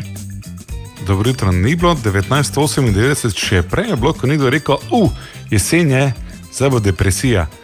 In pol kar nekaj si jesenska depresija, ki pa morate vedeti, ni nek resen medicinski pojem, je pa zanimivo eh, razširjena literarna razlaga mračnosti teh naših jesenskih dni. V slikarstvu, v glasbi podobno, ne če poznate Boris Uljan, moj soimenjak. Ja. Včasih znan kot najhitrejši slovenski kitarist. No, se še vedno je soavtor ja, ja, pesmi, v kateri uh, pojejo naj te ljubosume ne zvija, za naju naj te ne skrbi, to je samo jesenska depresija, ki ne traja več kot tri dni. Mhm. Aha. Tri dni, ja, malo morgen. Um, kaj je proti strup? Jeseni trgamo grozdje, pijemo Ja. mošt. To je kvaliteten protistrup. Jemo Tako. kostanje in prdimo. Ne? Pa da, no. Zdaj, ja, vetrimo se nota reči, ampak vredno, ne, ko stane seveda kljukica. In uh, če slučajno zdaj v tem času čutite, kako vam brezciljnost želi priti globje v telo, pošljite to brezciljnost eh, pod gladino nekdaj morja, ki je bilo tukaj. V hrbet mu vržite še misel, da smo na Štajerskem doma vedri ljudje in absolutno uh, številka ena, Facebook zaprite, čim manj ga odpirajte. Hvala. Ja, pa, pa vedeti, da je to vse v glavi, ta jesenska depresija, to je približno isto kot pomladna utrujenost, poletni razvrat in zimski špeh. Želimo dobro jutro. Dobro jutro. jutro. Ja, veš, oni občutek, ko uh, iz teme, iz, kopalni, iz spalnice prideš v kopalnico, pa prvi zjutraj luč prižgeš. Joj, Ja. kako te pa pikne. Ja, se vem, se za vas razumem, ko mene zjutraj vidite prvič službi. Ne? Ta svetloba zaslepljujoča. Dobro jutro. Danes je 23. september, oziroma prvi pravi celi jesenski dan v letu 2021. In jesen je udarila z vso silo. Dobro jutro. Dobro jutro. Ja. Melodija zdaj pa. In šajerska ne je. Štajerska, rečemo mi. Ne? No, Ja, vem, ampak v filmu je bila. Šajerska je. Ja. Šajer je bila pač pokrajina, v kateri so živeli Frodo, Bilbo in ostali. Tako. Uh, Moramo malo Tolkiena spet zdaj v roko, ne Tako, da bi te pozabili. kratke nogice zdaj pretegnil, pa jih počohal, pa še malo posvetil z njimi. Ne? Ne, niso tako, so kratke, samo so malo večje, ne, glede na proporce. Nisem to mislil povedati, ne moti me. Torej, jasno, jesen je so silo vdarila, temperature zjutraj hladne, eh, ampak eh, čez dan pa bo vedno bolj lepo, no? do 27 stopinj celo v nedeljo. In kar je zanimivo, tudi darežljiva, uh, darežljiva je ta jesen, tudi letos. In prvi kostanji se že dajo kupiti, tudi v našem mestu. In mi dva z Ano sva se pogovarjala, Bor, in imamo eno, eno priložnost, ker uh, vemo, da imaš odprt popodanski SP. Ana, ti poznaš en plac, ne? obstaja Ja. en plac. Bor obstaja, letos je nova lokacija in sicer na zgornjem platoju tržnice.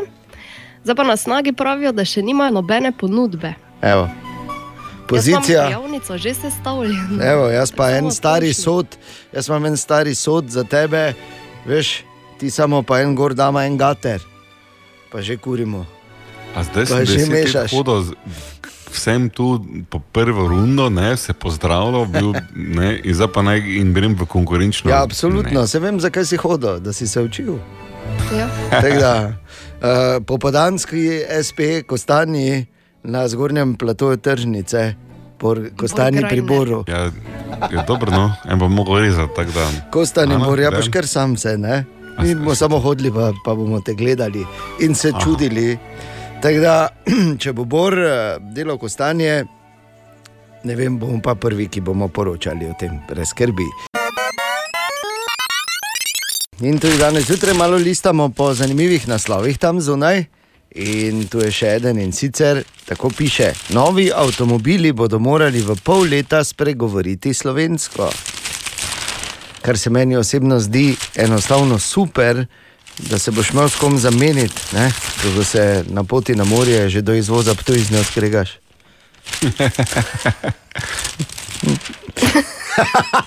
ne povem, da je ta smeh povedal vse. Pardon. Ena od treh, treh, treh. Jutranji sprehod po zgodovini popularne glasbe. No, tako pa poglejmo. Danes je v zgodovini popularne glasbe en prav poseben dan. 23. september je namreč vedno in bo vedno posvečen samo enemu, ki ga kličejo The Boss in na katerega koncertih že desetletja ljudje v en glas kričijo: Bruce! Tako da, če kdo ne ve, si misli, da se mu bu gor derejo, ne? Kar pa absolutno ni res. Še eden, ki je svojo kariero začel, ko je videl prvič na televiziji Elvisa Presleja. In za katerega, uh, to je ena od teh anegdot, naj bi mu učiteljica v osnovni šoli je rekla, da naj gre v kanto za smeti, ker tja spada. Tako slab učenec je bil. Tudi uh, ni imel ravno neke velike podpore doma, kaj ti pravi, da sta bila doma dve stvari zelo nezaželeni in sicer on in njegova kitara. Vsakem primeru Bruce Springsteen oziroma Bruce Frederick Joseph Springsteen kasneje postane eden največjih v zgodovini pop glasbe in zgodovine rock'n'rolla. Pika. Če te zanima, kako velik je in kako še vedno jih stresa iz rokava, pa čeprav kratkega, si oglej dokumentarec Letter to You, ki je nastal, ko so snemali ta zadnji album uh, v času pač te najhujše korona krize, so se s svojim Istrid bandom se dobil v pač. V eni od svojih hiš, verjetno. Ne? In tam so to posneli nastal je super dokumentarec. Sicer pa v vseh svojih desetletjih na glasbeni sceni preveč hitov, da bi jih um, da bi jih lah- lahko izpostavili, ampak lahko samo pač tak na loterijo greš, pa pravzaprav vse, kar vem, potegneš. Je hit. Recimo ta, ki ga je na svojih koncertih, kot pravi, zaigral že skoraj 2000 krat.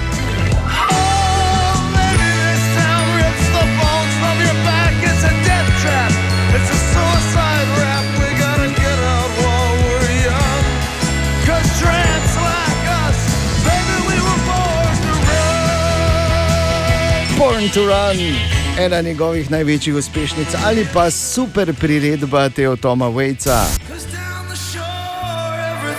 alright.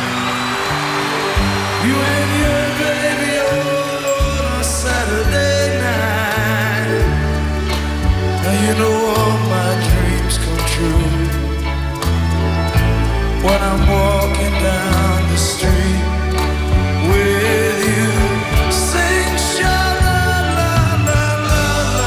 Ali pa denimo, ta, ki bi lahko bila tudi o Mariboru, mogoče celo je o Mariboru.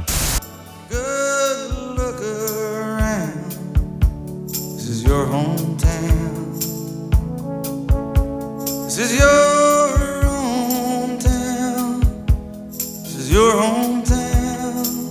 Tudi Oskarja je dobil Bruce. Reflection in a window and didn't know my own face. Oh, brother, In to prav za ta hit Strico Filadelfija ali pa denimo.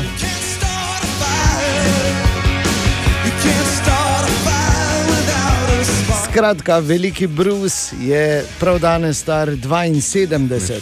Kaj praviš, Bor? Je tako si rekel, greš v vrečo, karkoli bom potegneš, bom še terna. Ja, res je, ne moreš zgrešiti. Bruce, torej vse najboljše, pa češ imeti čas. Kadarkoli, kadarkoli pokliči, jaz častim vse, samo da se lahko menim s tabo. Želimo dobro jutro.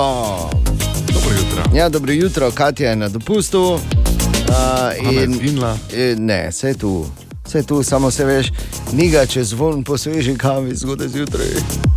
To je že Canka rekel, oziroma vedo, kaj mi zakaj. Kak je imel prav in kak je imel prav? Ja, pa kaj mi zakaj imamo toliko gnjavo. Ta mama kavo, no. Daj no. Daj no, daj, daj no, šalico daj no kavo. Daj kavo, no, pa daj prosim, pa se bom, se bom pokosil. Mogoče res ni bilo v celoti tako, ampak eh, se razumeš. Ne? Če si jo kuhaš, naj ti tekne in naj bo super, najboljša v zgodovini. V vsakem primeru lep začetek četrtka želimo. Vsak dan na radiju si ti brez izjeme, ker kot smo že toliko krat povedali, in bolj lahko potrdi, in je živa priča, mislim, ja. komaj živa priča pri teh letih, uh, da, mislim, da sledijo grobe kazni, če se tega ne držimo. Namreč, da govorimo, nareča so zakon. To je neke vrste naš pozdrav, ker drugače hudi fraz, ne? dva metrski vdari. Narečja so zakon. Ha, kva, koga, kaj? Ma ne razumem. Seveda ne dobesedno, ampak metaforično, da ne bi kdo mislil. Ne? To pa res. In uh, tako da lahko mi dva zborom le najlepše stvari o narečju so zakon naši najboljši. Ne bi hotel, ne bi hotel nič grdega povedati. Ne, niti pa Vseeno ima dva metra, ne? Pa to pravim. In Marko, dobro jutro, kaj smo na zadnje iskali? Dobro jutro. Zdravo, zdravo. Na zadnje smo iskali narečne verzije te povedi. Da bi dobil več denarja, se je vse čas prilizoval šefu. Jaz sem Dragica, prihajam pa iz Jeruzalema. Pri nas rečemo, da bi dobil več penes, se je celice slinil okoli šefa. Marijo Biloprk iz Izole, moj narečni izraz je koroški, da bi dobil več denarja, je šef vorit lizu. Moje ime je Mojca, prihajam iz Banovec, iz Prlekije. Eh, Moj narečni izraz je skabitoba več penas, je šefič iz verjetno železo. Zdravo, jaz sem Tomaš, prihajam z Noše, s Ljutomeri, pridem s Prlekiji, pa rečemo, tak se zapene za grebe, kam mu treba imena pod plata napisati, kam mu znali, kjer je, kdo mu ga je šeho, verite, ven vlekle. Zdravo, sem Brigita, prihajam iz Čiringa, pri nas pa rečemo, da bi dobil več gnara, je ga za ivrit lezo. Dober dan, ja, kot tu jaz sem z Obrža, tu je pri Ormože, v našem koncu pa se temu reče tako. Ko bi dobil več penes, je šef cilju vrit. Zdravo, sem Renata, prihajam iz Križevec pri Ljutomeru. Moja poved v narečju pa bi se glasila tako: Ko bi dobil več panas, se je celi cvet šefi prilizoval. Zdravo, sem Tanja, prihajam iz Prlekija, iz Lokovec in mi tam rečemo tako, da bi dobil več pana, se celi cajt šefi vrit zleko. In še nekaj povedi z Facebooka, da bi več penes doba se šefi vrit riva, da bi več zaslužil je celi cajt šefi rit liza, da bi doba več penes se šefi vrit pha, lej ko je rjavijo kol žnablo, vziher bo zdaj več keša dobo. Šef je šel riti lizat samo, ker bi večjo pločo duba. V tem tednu pa iščemo narečne verzije te povedi. Prijatelj mi je spet ukradel žigalnik. Kaj pravite vi trije? Oštija, ošček in öšpereš. Ešpereš. Ešpereš. Po mojem sem ešpereš. Ja, v vsakem primeru, ampak če se vrnemo uh, nazaj, kar je zanimivo v prejšnji povedi, torej o kateri je govoril in kjer smo slišali toliko super primerov, uh, da nimo uh, niti en ni, recimo, ko je tak je pač šefu, ne, da je dobil več nara. Kakšne smo imeli vse te primere, noben pa ni z imeni šel ven, z imeni. Verjetno jih je preveč. Ne? Na vsakem primeru, a, tudi a, zato, ko ti prijatelj vkrade vžigalnik, je verjetno a, ena beseda samo. Ampak tudi to. Ne, ni Veš, kaj je problem z temi živalskimi um, enopomenkami, ne, da je na koncu, kaj, kaj, kaj svija, bila kriva, zdaj vse zgodbe. tu, Res ne. je, res, res. Ampak ne moreš pa tudi drugače, kot da mu rečeš preprosto. Ne? Ja, ali pa lisjaček, recimo. Ne? Lisjaček, kje je moj pojascojk? Lepo se je slišalo. Marko, kaj si nam v bistvu rekel? Oštija je hostija, ošček je kol oziroma kol, palca, da boste razumeli. Öšpereš pa je dekan. Zakaj bi? Kaj je ešpereš? Dekan. Verjetno Še v... enkrat, prosim, kaj? Öšpereš, v... Öšpereš, fertušent Mikloš. Tak je verjetno, Aha. ne, polna. Okay, skratka, nareče so zakon vsak dan pri nas na radiju, Frasi Medvršov po drugi in pa na našem Facebooku. Ha, koga? Ma ne razumem. Narečja so zakon. Pa tudi danes je en zanimiv dan, namreč eh, mnogi kulinarični magi uh, in šefice in šefi komaj čakajo Mišljenov, uh, novi vodnik pride ven, nove zvezdice bodo potalane. Pa bi jaz zdaj bolj tebe vprašal najprej, zakaj za vraga je ta Mišljen tako zelo popularen oziroma pomemben v svetu kulinarike. Uh, zato dajem, ker je teoretično je pet zvezdic, štiri ne more noben dobiti.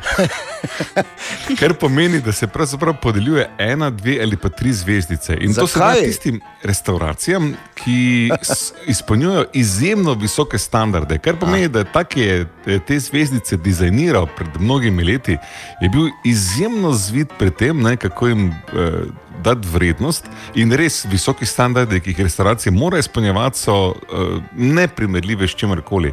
Tako da um, šefi posod po svetu vejo, kaj so mišljenove zvezdice, jedci posod po svetu vejo, kaj pomenijo mišljenove zvezdice, vsi posod po svetu vejo, kaj pomenijo mišljenove zvezdice. Tudi samo- Slovenija sedaj ve, kaj pomenijo. Gordon Ramsay ve, kaj pomenijo mišljenove zvezdice, okay. ki mimo grede, on je oktober 2013 jih je izgubil.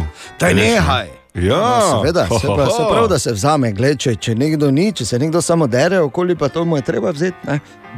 Vem, da je takrat imel dve, pa je prišlo ven, da so uh, zelo uh, nekonsistentne so bile Mm. jedi. Ja, ja. Ajoj. Ni se mu dalo. Ne? Se to je to, se Ne. pravi, da vzamejo, samo kaj si ti nor. Dobra, izjemen marketing, pet jih je, štiri ne more noben dobiti. Ja, ampak dejansko so prestižne, dejansko nič ni blizu tej oceni kulinarične izjemnosti. Okay, Slovenija Sloveniji vemo, hiša mapi, Franko ne? ima. Ja. Ja, ja. Hiša Franko z Ano Roš je bila prva restauracija, ki se je ponašala z dvema pri nas, po wow. eno pa gostilna pri Lojzitu, Tomaš Kavčič, Dam z Urošem Fakučem, hiša Denk, Gregor Vračko, da je to tudi najbližje nam. Tako. Um, molekularna, kuhinja seveda. Molekularna. Atelje- Molekularna. A- Atelje z Jorgom Zupanom in vila podvin z Urošem Štefelinom. Mm. Kaj pa kaže pomembno, ne? za novo sezono zdaj? Torej? Se že Ja, ve, kaj ne? se še šlo? Ja, ne, ne, ne veš. Nič, To je ne, tudi, ne. glej, veš, ko imaš eno tako rangiranje, pa take prestižne nagrade, prvo, kar moraš poskrbeti, noben ne ve nič. Aha. Šanse ni, da se karkoli ve. Bo pa danes, ne? Okay. Torej, eh, naj samo povem, da za enkrat v Framu eh, ne kaže nič, ker ni bilo nobenega, ki bi gledal, razen če pač so hodili, ko nisem videl, ampak gled. Ta, tako pečeno hrano kot z jajcami, kot sem pa jaz naredil. ne. Če pa to. Veš, ko so jajce glih prave, ko niso ne trde, ne mehke. Hmm. Mogoče malo premalo slane, ampak to je stvar okusa. Če uh, slučajno greš uh, v Vedrijan na severnem primorskem, 12 stopinj Celzija. Vedrijan, verjetno je. Ne, ne, ve- ve- Vedrijan, če ti da si izmislil v zraku zdaj, Vedrijan. ne? Ja, ne, ja. ker pogooglaj, pa boš videl. Sicer pa pričakujemo jasno vreme in temperature danes do 21, jutri do 25, soboto do 26, v nedeljo do 27 stopinj. Super začetek jeseni. Kolega Grajner. So vasi in je Vedrijan v Goriških brdih. Zaradi cerkve in zvonika je 16. stoletja vidna od vse posod. Na Vedrijanščku, potoku pod vasjo, je nekdaj mlelo pet mlinov, od katerih je delno ohranjen samo še eden. Potok pa sta prečkala dva mostova iz časa ilirskih provinc. No, vidiš. Vedrijan, težela opojnih trenutkov. Vidiš? In tam je danes zjutraj 12 stopinj. Zanimivo, da Vedrijan, eh, oziroma Vedrijan, kot mu rečejo, meji na šmartno in na gonjače.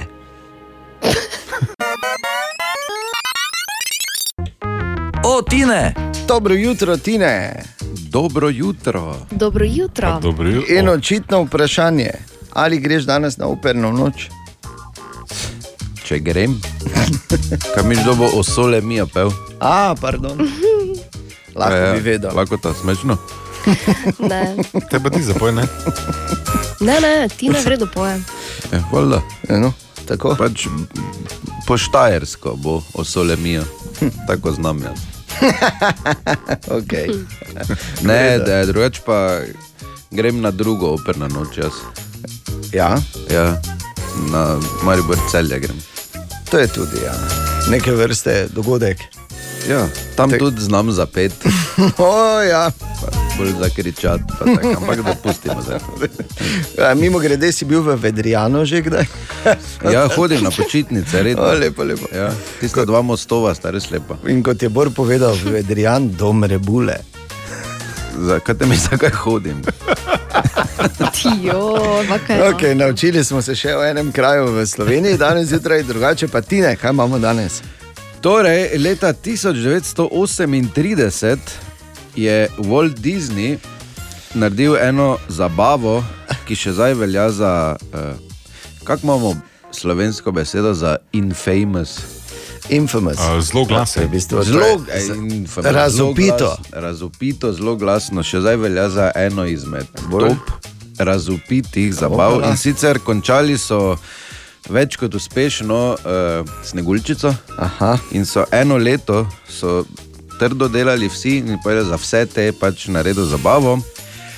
Vsi zaposleni so se grozno napili, se slekli in začeli svingati. Opa. Zelo v, ne, Zelo v tega. duhu sneguljčice. Tako da naslednjič, ko gledate sneguljčico, se spomnite, da so se vsi poprek nažgali. so od samega veselja. In, ja, da, glej, preživela je, ne, te pa so mogli nekaj. in da obstaja tudi spin-off risanka Sneguljčica in sem palčkov. O, ja, Ne? obstaja. Obstaja, obstaja. Obstaja. Kot Ne, ideja, zgodbo. samo. Ni najna zgodba, to dejansko obstaja. Risanka o palčkih. Je, ni, ri- ni risanka, bolje V bistvu film, bolje, ne. bolje film. Ja. Bolje ne, film. Ne, ne, risanka je tudi. Tudi, a ja, Ja. ja. risanko nisem vedel, za film vem, Za da film je. si- To so palčki, pa niso glih mali. Kaj lahko gremo k rebulju? Ja, ok, ne gremo raj k muziki. Da. Bor si je že pripisal. Glej, to ono pa bi krebuli, zdaj že Ja, ja, direkt. Ob koliko je ura 47, ti pa krebuli. Ja, seveda. Prava vedrjanka si. Res je, ali si morda zgonjač sosednjega kraja. Aha, aha, aha, aha, aha, aha, aha efekt. Tako je namreč pisal Nikola, ki ga zanima, odkdaj so labodi v Mariboru. In kdo bi bil bolj primeren, da na to odgovori kot Bor, ki je odnegdaj tu, ne? Od prve omembe. In pazi, imamo leto, skoraj natančen datum, 1928. leta je Mariborsko olepševalno društvo, ki je skrbelo za mestni park, kupilo dva laboda, samca in samico, da bi dodatno olepšali ribnike. Mesto je bilo navdušeno, bilo je čudovito, uh, ampak potem pa je bila zima. In so morali laboda omakniti, eh, takrat je bila tam vrtnarija eh, v današnji mladinski 25 in um, ostala zgodovina, ker večernik je 11. marca 1929 zapisal. Včeraj si je zmislil gospod Samec, da bi bilo dobro, ako se dvigne v zračne višave in pogleda v druge kraje. Za njim je svrčala tudi zvesta samica, ki pa je kmalo omagala, padla na tla in ostala v posesti presenečenega vrtnarja. Olepševalno društvo trpi na dezertaciji labuda, več tisoč dinarjev škode in prosi morebitnega najditelja naj vrne redko ptico proti nagradi. Ali da smo, nismo dolgo rabili, da ga je nekdo hotel poriniti, moreš verjeti. ja, ampak zanimiv, zelo zanimivo bo ta zgodovinski moment. Uh, in izobraževalni moment, za katerega si poskrbel, je res odličen. Sploh to, da smo v Mariboru imeli olepševalni odbor. Ja, Ja. svetovno. ki se, ja, ki seveda. se zdaj, oleševa, oleševalno društvo, ki se pač sto let kasneje cepi, očitno, tako kot zdaj gledamo v parku, v dve veji. Eno je snaga, drugo pa pomgrad. Ali tudi vi pogosto totavate v temi? Aha efekt, da boste vedeli več. Kot napovedano, imamo danes zjutraj posebnega gosta. In sicer prvič, ga lahko pozdravimo tudi kot bodočega vodjo olimpijske reprezentance olimpijs zimskih olimpijskih iger v Pekingu, Tomaš Barada. Dobro jutro. Dobro jutro. Ja, kako se je mislil, da rečemo pozdravljen vodja, malo na robe zveni. ne? ja, definitivno na robe zveni. Tomaš, torej, najprej, eh, seveda, čestitke za to novo funkcijo. Zelo smo čestitam. bili Prav. veseli, Hvala. Da se je to zgodilo. Ampak, eh, kaj če bi ti nam v bistvu razložil najprej, kaj ta funkcija sploh pomeni?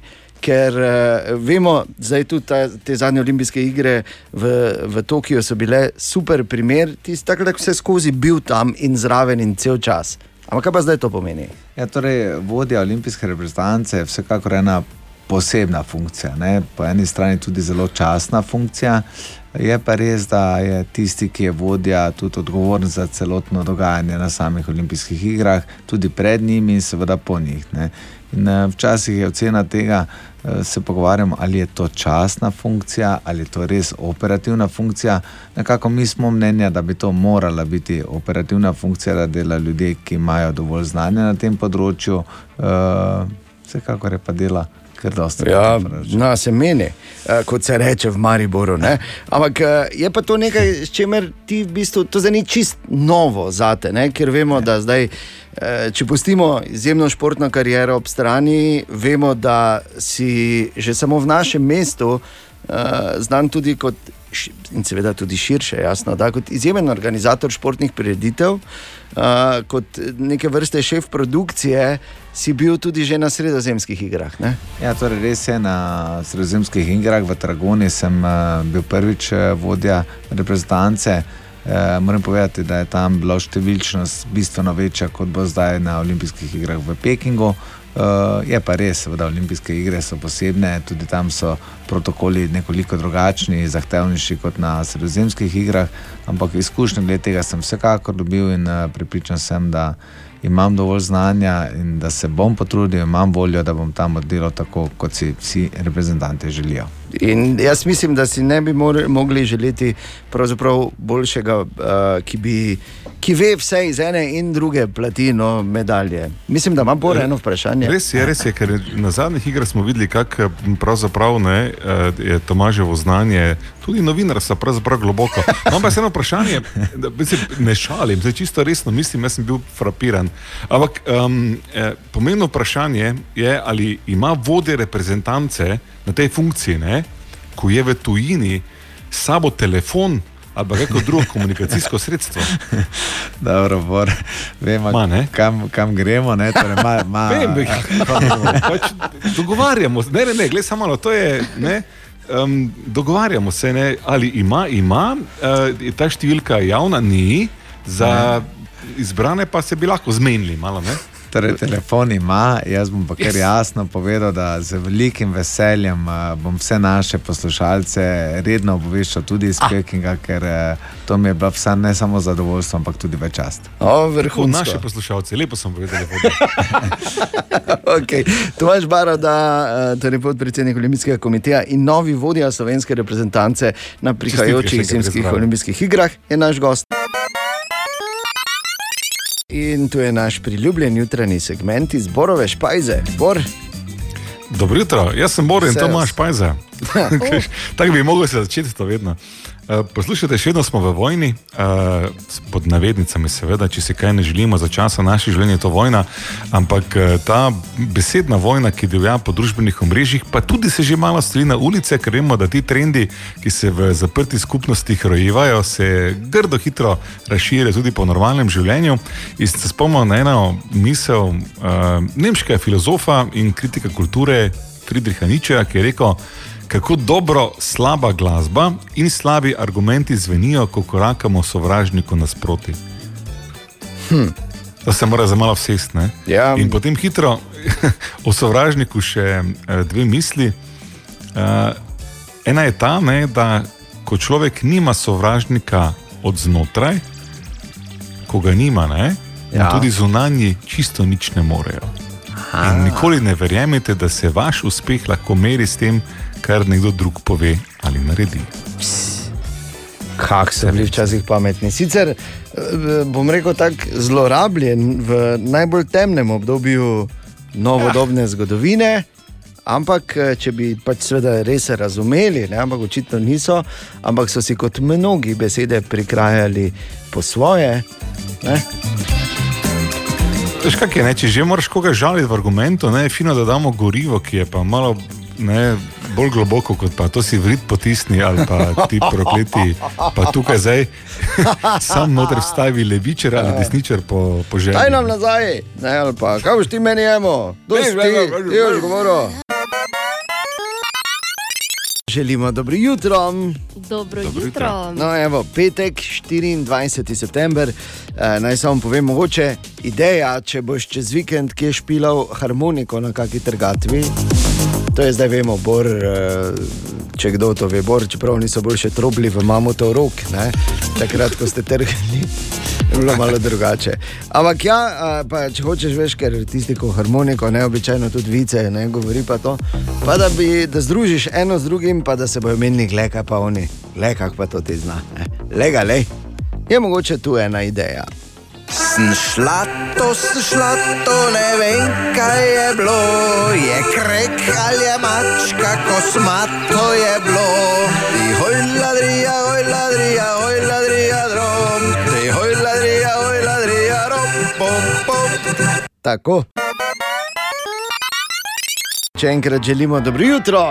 Dobro jutro. Torej, uh, tresla se je gora, zgodilo se ni kaj veliko včeraj, veliko se je govorilo, ja, zdaj pa se bo razkrilo, mišljenove zvezdice, ponovno v Sloveniji, kdo dobi, kdo ne dobi, komu bojo vzeli, komu bojo zraven dali.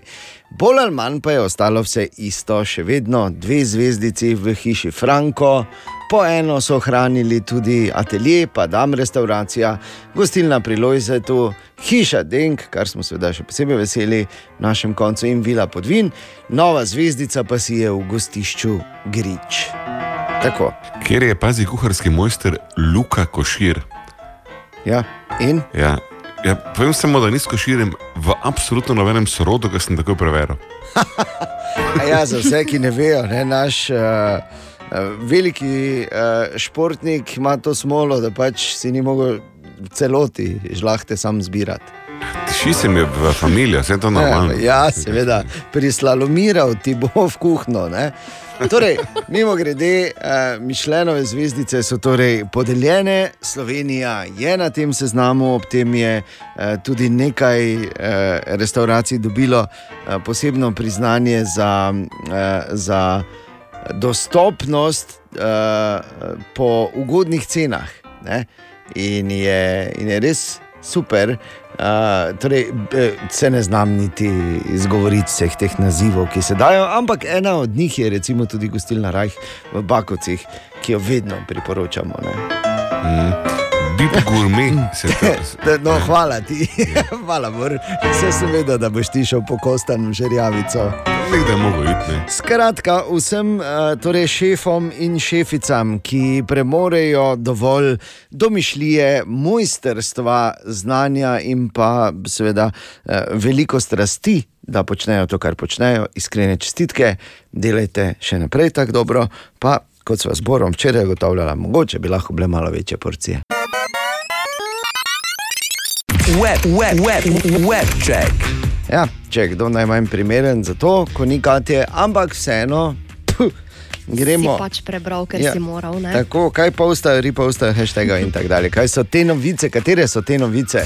E, recimo to, da so pri eh, Netflixu ne samo, da so tako potiho izdali eno eh, prvo, svojo prvo igro, v bistvu za, eh, za VR, se ne vem kateri, mislim, da Oculus. Oculus, Za okulus. za Oculus. Štajerski VR ali Oculus. Oculus. Imaš, kaj si špilo, kaj na Si o- Oculusu? Ti imaš okulusa doma? Ja, si imaš Oculusa. Torej, Tu ima moj sosed, ima okolos, pa sem... Okolos. Okolos. Kaj pa ima okolos, kaj je, kaj z Grčije, iz otoka okolos. Poslušaj, uh, Netflix ima po novem tudi v lasti vsa dela Roalda Dala, oziroma avtorske pravice so kupili, tako da uh, zdaj lahko pričakujemo celo serijo nekih spin-offov in pa dejansko posnetih, verjetno risank filmov, vse na Charlieja in tovarno čokolade, na Matildo, na The Big Friendly Giant, ne, Fantastic Mr. Fox, skratka, uh, vsa ta dela, ki jih je ta nekdani. Uh, torej, uh, pilot vojaških jetov, in, uh, oziroma vojaških uh, lovcev, in pa izjemen pisatelj spisal. Italijanska modna hiša za take kot je Bor in podobne, ko imajo, ne? Valentino. Nič ne boš bolj komentiral? Ne, čakam na prostor, da rečem tako se mora. Valentino. Okay, pardon, ja. Je izdala omejeno število poloverjev, takih hudijev, v bistvu, no, kjer je gor izvezen znak V, ki pa tokrat mm. ne pomeni Valentino, ampak vaccinated. In polover. Pa Viktorji, ne? Oj. Ja, ali pa vedlin, zdaj pač, kak kdo vzame. Kak Vsak, vzameš, vsak si lahko ne. svoje vzame iz tega. Ne? In je polover je tudi ne, primerna cena, 589 evrov stane, tako da lepo, ne? za en hudi. Lušno je. No, tako da te vi božne. Torej, na kitajskem praznujejo festival Lune in od tam prihaja tudi en izjemno zanimiv video posnetek, kako Kitajci tečejo za Luno. In to seveda Joj, ja ni, v, videla ja, ni v prenesenem pomenu, čeprav so izjemno aktivni v vesolju, Kitajci. V zadnjih letih, ampak ne dejansko. Ena od takih velikanskih, napihljivih dekoracij Lune se je odkotalila po ulici, in eh, prireditelji pa laufajo za njo, pa hoči samo, če imaš jač, pa se menijo, pa skušajo ustaviti. "Ma, uši, ja, ja." A, Poleg in je- Kitajca še večja zgleda, veš. Ja, res je. In je uh, kako se je to vse skupaj končalo, se ne ve, ker se vidi samo, kako gre luna, bojn, bojn, bojn, bojn, polni zadnji, tako da fino. Prehodijo Tilililili, Tako se čuje, ko hodijo tam na, v provinci Henan, ko hodijo delati. tilililili. In tako veš, kako hodijo. tilililili. Ko pa je vse tiho, pa veš, da vsi spijo ali pa vsaj stojijo. Torej, a, Včeraj je bil izdan tudi, ko vsak dan pač predstavim en trailer in tokrat novi trailer za uh, dokumentarec uh, Spencer, ki prihaja o uh, princesi Dajeni. Izjemno jo je baje odigrala Kristen Stewart in zanimivo ta dokum dokumentarni. Ni dokumentarni, ampak uh, ta drama v bistvu Biografski. se, ja, pa tudi ne v celoti pravijo, da so si malo, da so malo prikrojili ali pa so pač morali tako reči. Se dogaja v bistvu samo en vikend, ko so skupaj na neki zabavi in za celo kraljevo družino in takrat ugotovi, da se hoče ločiti od Charlesa. In recimo v trailerju tudi tako reče: Will they kill me? Tako da, o, ja, uh, tako tak, tak ti to pravim. No, to je to. Webček. Ena od treh, treh, treh. Jutranji sprehod po zgodovini popularne glasbe. No in danes je uh, dan, ko bomo rekli, čeprav praznuje jutri, samo jutri nas ni tu, ne? to je ta logika. In se mu je treba pokloniti danes, kajti rojstni dan in sicer že svoj 53. praznuje Will Schmidt. Oh. Še na boljše. Še hvala tebi, ker sem pravkar ugotovil, da je petek. Nekaj se mi zdi, da je četrtek. Ne? Pa tako že najmanj Ni. šestkrat sem rekel, da je petek danes. Pa kdo tebi verjame, ko ure govori zjutraj? da je res. bodimo Zato je dobre odkrita. volje, ko Verjetno. sta naenkrat Naenkrat ugotovil, da je hopala, petek. glej, petek je. Oh, vse se spremeni. Še bolj ne moramo nič delati. Torej, Okay, Will Smith je edini igralec do zdaj, kar je zanimivo, ki je z osmimi filmi zapored. Uh, so, pač je njegovih osem filmov zapored zaslužilo najmanj 100 milijonov uh, v Združenih uh. državah Amerike. Pridej. Globalno, seveda, več. Ne? Milijonar je že bil pred 18 letom, uh, zaslovel za mojo najljubšo serijo, ko sem odraščal, to je bil The Fresh Prince of Bel Air. In uh, ja, vrhunski pač je na vseh področjih, pravi taki multipraktik, ampak danes bomo govorili predvsem o Vilu Šmitu kot, uh, pardon, Vil Šmit. Um, Kot o glasbeniku, številni hiti v njegovih rep pesmih, v njegovih rep hitih, eh, to je tudi ena od njegovih posebnosti, ne čuti potrebe, da uporablja grde besede. Kot recimo v Miamiju. Miami, the city that keeps the roof blazing. Party in the city where the heat is on all night on the beach till the break of dawn. Welcome to Miami. Bienvenido a ali pa boom, shake the room. Came here tonight to hear the crowd go. Boom, shake, shake, shake the room. Boom, shake, shake, shake the room. Uh, boom, shake, shake, shake the room. Tick, tick, tick, tick. Ali pa getting jiggy with it. Yo, my cardio is infinite. Big Willie styles all in it. Getting jiggy with it. Getting jiggy with it. In pa naslovna iz vsaj meni ene najljubših eh, serij filmov na tematiko Men in Black. That you never quite know where the MIBs is at. Uh, and Tematiko vesolja, vesoljcev in teorij zarod, seveda. Ne? Vrhunska, če še nisi gledal ali gledal Men in Black, trije filmi so zunaj, pol pa še en spin-off, samo ni isto, ne? ker ni bila šmita. Zraven, Vil torej bo jutri praznoval rojstni dan in Men in Black takoj po oglasih. Ana Borindejan, želimo dobro jutro. Dobro jutro. Ja, mimo grede, eno opozorilo, pa mi že nekaj časa leži na duši, bor pa ti moram povedati, glede na to, da si doma v samem središču mesta, v Pešconi. Ne? Da prosim te pazi, pazi na sebe, pazi na ostale, predvsem pa na sebe in na, eh, na svojega skuterja, kaj ti, kot veš, da te lahko tudi župan ostavi, pa ti ključe vzame. ne. Tako da, prosim, to sem te pač hotel opozoriti. Nimam še skuterja, še, Imaš, imaš, v bistvu. Imaš, imaš. Sposobil sem se ga. za no, to potrebe zgodbe imaš. Za potrebe zgodbe si divjak na skuterju po Mislim, Pešconi. videa,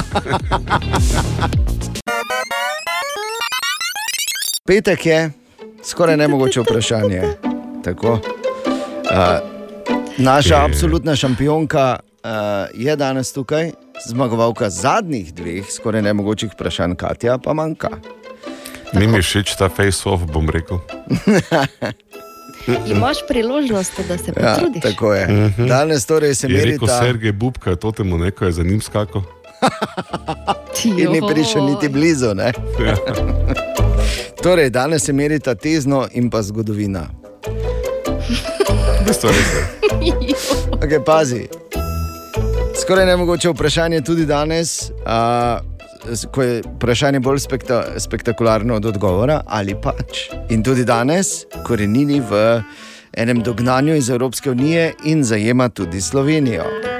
25 odstotkov žensk, torej ena od štirih, ima ta trenutek v svoji torbici to stvar, ki jo je dobila brezplačno. Kaj je to? Kondom. Bor. Seveda, da ne. Brezplačno, Ja, dobila je to brezplačno. solzilec. Kaj? Ki te hodijo. Maska pa s- bi bil modern odgovor. Ne, ne, ne, ne, ne, ne, ne ni, ni, ni maska, ni, ni v tej smeri. No, Veš, kaj je Kulica. z ženskim? Kaj? kulica. Ne, Meter. kaj? Oni- ne veš, kdaj robiš. Dobila ali vzela, ker eni iz Ikeje odnese, on je tisti svinčnik, ne? Ne, ne, ne, ne. Ja, to ga vsak odnese. Pa meter Šminka. tudi. Koga? Brezplačno šminka? Šminka. Šminka se brezplačno dobi, Bor. Ja, ne vem. Ja, jaz še. Kje delijo brezplačne šminke? Torej, Oh, ena od štirih žensk ima to v vsakem danem momentu v, v torbici. Veš, ki imamo problem, ne v torbici, ampak kaj te sploh še delijo brezplačno, da lahko odneseš? Ne? a, ja, ja. Lahko pa ključe od avta, mogoče je mož kupo. Mogla biti face pridna, ne? Ne, ok. Torej. Lepo bom rekel, imaš to v glavi pošlihtarano. Samo Ja, reči se bo no, pač probaš, ne, kaj z vem. Če ena od štirih, se to Ja, zelo ja, vsaka. Razumem, ne. eno od štiri, je to 25%. Ja, samo je pa kar. No, ena od štirih ima Veš to. kaj? Cuker od eh, kave. Cuker. Iz, ja, A, misliš, oni bombonček, ko zraven dobiš, ali pa Ne, keks? sladkor sladkor iz Ne, eh, sladkor vrečke. ni. Sladkor ni. Ni sladkor, kaj pa bombonček? to pa piškotek. Tako, pa smo le prišli. Bravo, do-. Aleluja. Torej, ena od štirih ima oni keks od kave noter v torbici. Nikoli ne Samo to ima zaradi otroka, to ima zaradi otroka, ne zaradi Ne. sebe. Sigurno. Ali pa pač, ker pač je, je škoda pustiti, ker je le, ne, ker je tam, če je zraven prišlo. Če sem plačala, bom vzela. In prav je. Tako. Ja, valjda. Tako. Tako da se ne vem, kdo je zmagal danes. Jaz sploh Ja, zmagal. mislim, da Ana, se tehnično gledano, Ne, ne? ne. Se Kaj bomo si delila zmago? Okay. Dam ti pol. Pol gre na tezno, pol pa v zgodovino. Čestitke obema. Dobro jutro. Dobro jutro. Včeraj je bilo v našem mestu toliko los, kot se reče, ne, da človek sploh ni vedel, kam bi se obrnil. In eden od kulturnih vrhuncev tega leta, zagotovo je bila operna noč v mestu, tokrat dobesedno v mestu, ne v parku. Zato se je tudi reklo operna noč v mestu in ne operna noč v parku. Ali sem jaz zamešal Wow. gor? Se rekel prav? Ali je samo Ne operna čujemo noč, ne te, čujemo te, Bor, karkoli že delaš. Telovadni učitelj. Uspel sem se, uspel sem se, vse, vse vseeno. Skratka, hotel sem reči, da je uh, operna noč, ki je bila v parku, dejan, je bila v maju. Ja, saj je to. vseeno malo bolj toplo kot pa septembra ali pa konec septembra. Tako da uh, tudi če se ne bi promenada obnavljala, ni slaba ideja jeseni imeti operno noč v mestu. Tudi številni obiskovalci, ki so včeraj preplavili glavni trg, ker jasno, normalno je bilo, da ob teh tisoč in nekaj sedežih bo še okoli. Uh, ti so presedeli lepo pridno v maskah, in pokoli pa še ena večja množica ljudi, ki je relativno razmaknjena, uživala v klasični glasbi. Super. In kakšne arije, in kakšne priredbe, in kakšni nastopi. Več kot čudovito. Celo tako čudovito, da ko sem se pogovarjal z Sabino Cvilek, sem mogel počakati, da je eh, lepo, ne, melodija prišla do konca in potem sva kakšno rekla.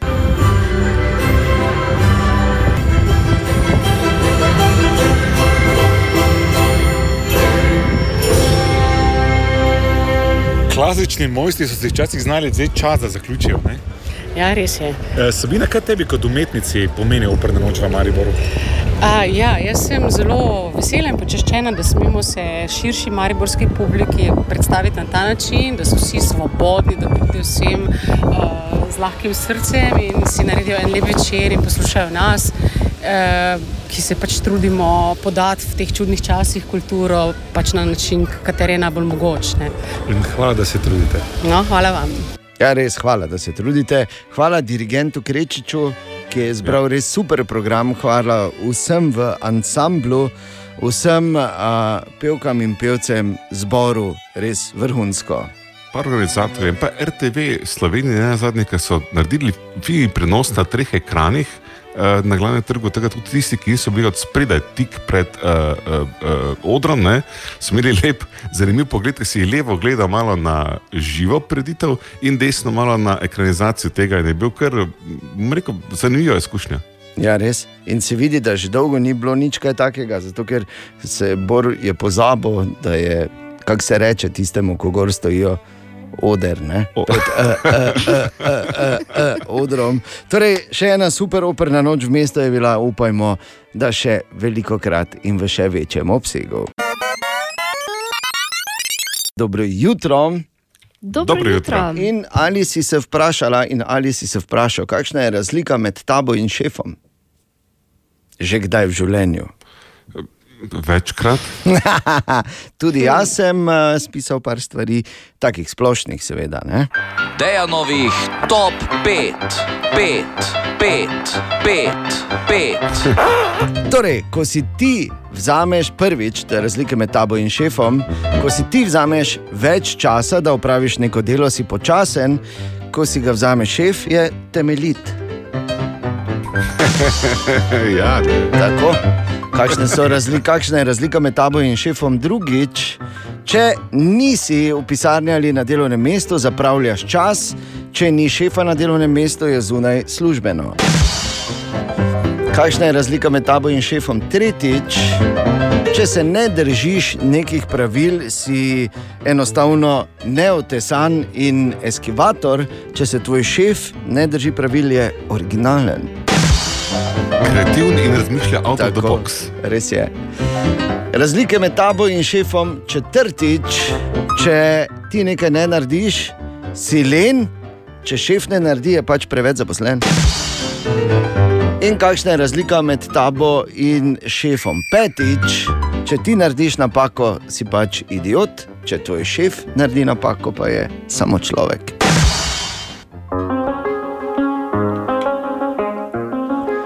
Kaj ta mo modro molčita oba? Ja. Ni kaj za dodati. Ne, da je. O, Tine! Dobro jutro, Tine. Dobro jutro. Oziroma, Dobro jutro. Ja, zdravo. zdravo. Ja, pozdravljen. Verjetno najbolj znan hrbet z ljudskega vrta, počasi. Včeraj sem pa toliko sporočil dobo, kaj si to ti. Dobro, ne? Ja, kako me te ne prepoznate po hrbtu? Ja, res. Pa to je tvoja močna stran, ne? Ja, valjda. Od nekdaj je bila, ti ne ima močen hrbet. Enkrat sem se celo, ker mi je en napisal, si to ti, pa sem napisal, ja, ne verjamem, sem rekel, čakaj malo, pa sem počakal tam na monitoru, da sem videl, pa sem Pa se obrnil. nazaj obrnil. Ja, glej, pač postavijo studio, kaj češ, mi imamo delovno mesto. Počasi me bojo odstranili, imam občutek. Po mojem pa ne. Ti ne veš, da mora biti. Ne skrbi ti. Mogoče pa dvigujem gledano. Tako, grih ti hočem reči. Torej, ja. kaj imamo danes tu? Še dvigujemo razen gledanosti. Ne? Zdaj me ne vprašati, zakaj, kak, odkot, kdo je to delal raziskavo, ja. ampak odkrili oziroma prišli so do ugotovitve, da ljudje raje vohajo svoje prce kot tuje. Aha. Prehit, prehitro si se strinjal, Bor. Ne, ko sem samo, aha. čist prehitro si se strinjal, veš. Aha, aha, aha, aha, aha, aha, aha efekt. Torej, Moniko zanima, zakaj, ko gledaš na televiziji ali pa na kaj, v kakem filmu vozeči avto, imaš občutek, da se kolesa vrtijo vzratno. Vzratno. Torej, kamera snema s približno 50 uh, slikicami na sekundo. Kolesa se vrtijo bistveno hitreje in ko naše oko poskuša zdaj to sestaviti, ne, ja. Lažno ugotovi, da se kolesa vrtijo nazaj. Efektu se reče aliasing in je znan tudi pri računalniških igrah, kjer eh, obstaja anti-aliasing, kjer bi radi tiste kockaste robove oni naredili bolj gladke. Ne? Torej, ko različni frekvenci prilikujeta, tako v tem primeru manjša frekvenca slike in višja frekvenca rotacije, potem včasih pride do napačne interpretacije. Po domače povedano, če je to zelo prezapleteno, vaši možgani so butasti. Niso Zato, butasti, pa kaj Dobili boš so govoril? kvaliteten signal, ampak absolutno se jim je zdelo, da je to drugače, in so se za njo odločili, da se kolo vrti nazaj. Ja, ne, a se vrti nazaj. Samo ne glede na to, koliko ti rečeš možganom, oni še ne rečejo, ne, ne, ne, ne. samo malo, pardon, mi smo to zračunali, nazaj se vrti, hvala srečno. Kak si rekel, da so butasti? Ja, pač so ne. Preveč gledaš Facebook, gled. ne posplošuj. Ali tudi vi pogosto totavate v temi? Aha efekt, da boste vedeli več. Najprej se moramo pomeniti o trgatvah. In ta vikend bo res fenomenalen, tudi vreme bo super, trgalo se bo, kot kaže, v kratkih rokavih, kar pomeni, da je to tudi seveda navodilo vsem gospodarjem vinogradov, da seveda poskrbijo tudi za, da ne bo neke žeje, ne? da ne bo ono letimi po mokro coto, ne? puh, se ne upam pluniti, ker ti žgal vse. Veš, in podobne, ali pa da je na tu imaš ključe, idi v kuferamo, imam, ker sem tako vedel, kam pridem.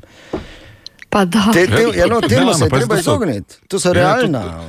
Realni nasveti in zelo delikatne situacije, gremo, da bračev letos ni dosti, vreme je lepo in na obeh straneh lahko pride do nesporazumov, zato generalno so tri kategorije. Ne?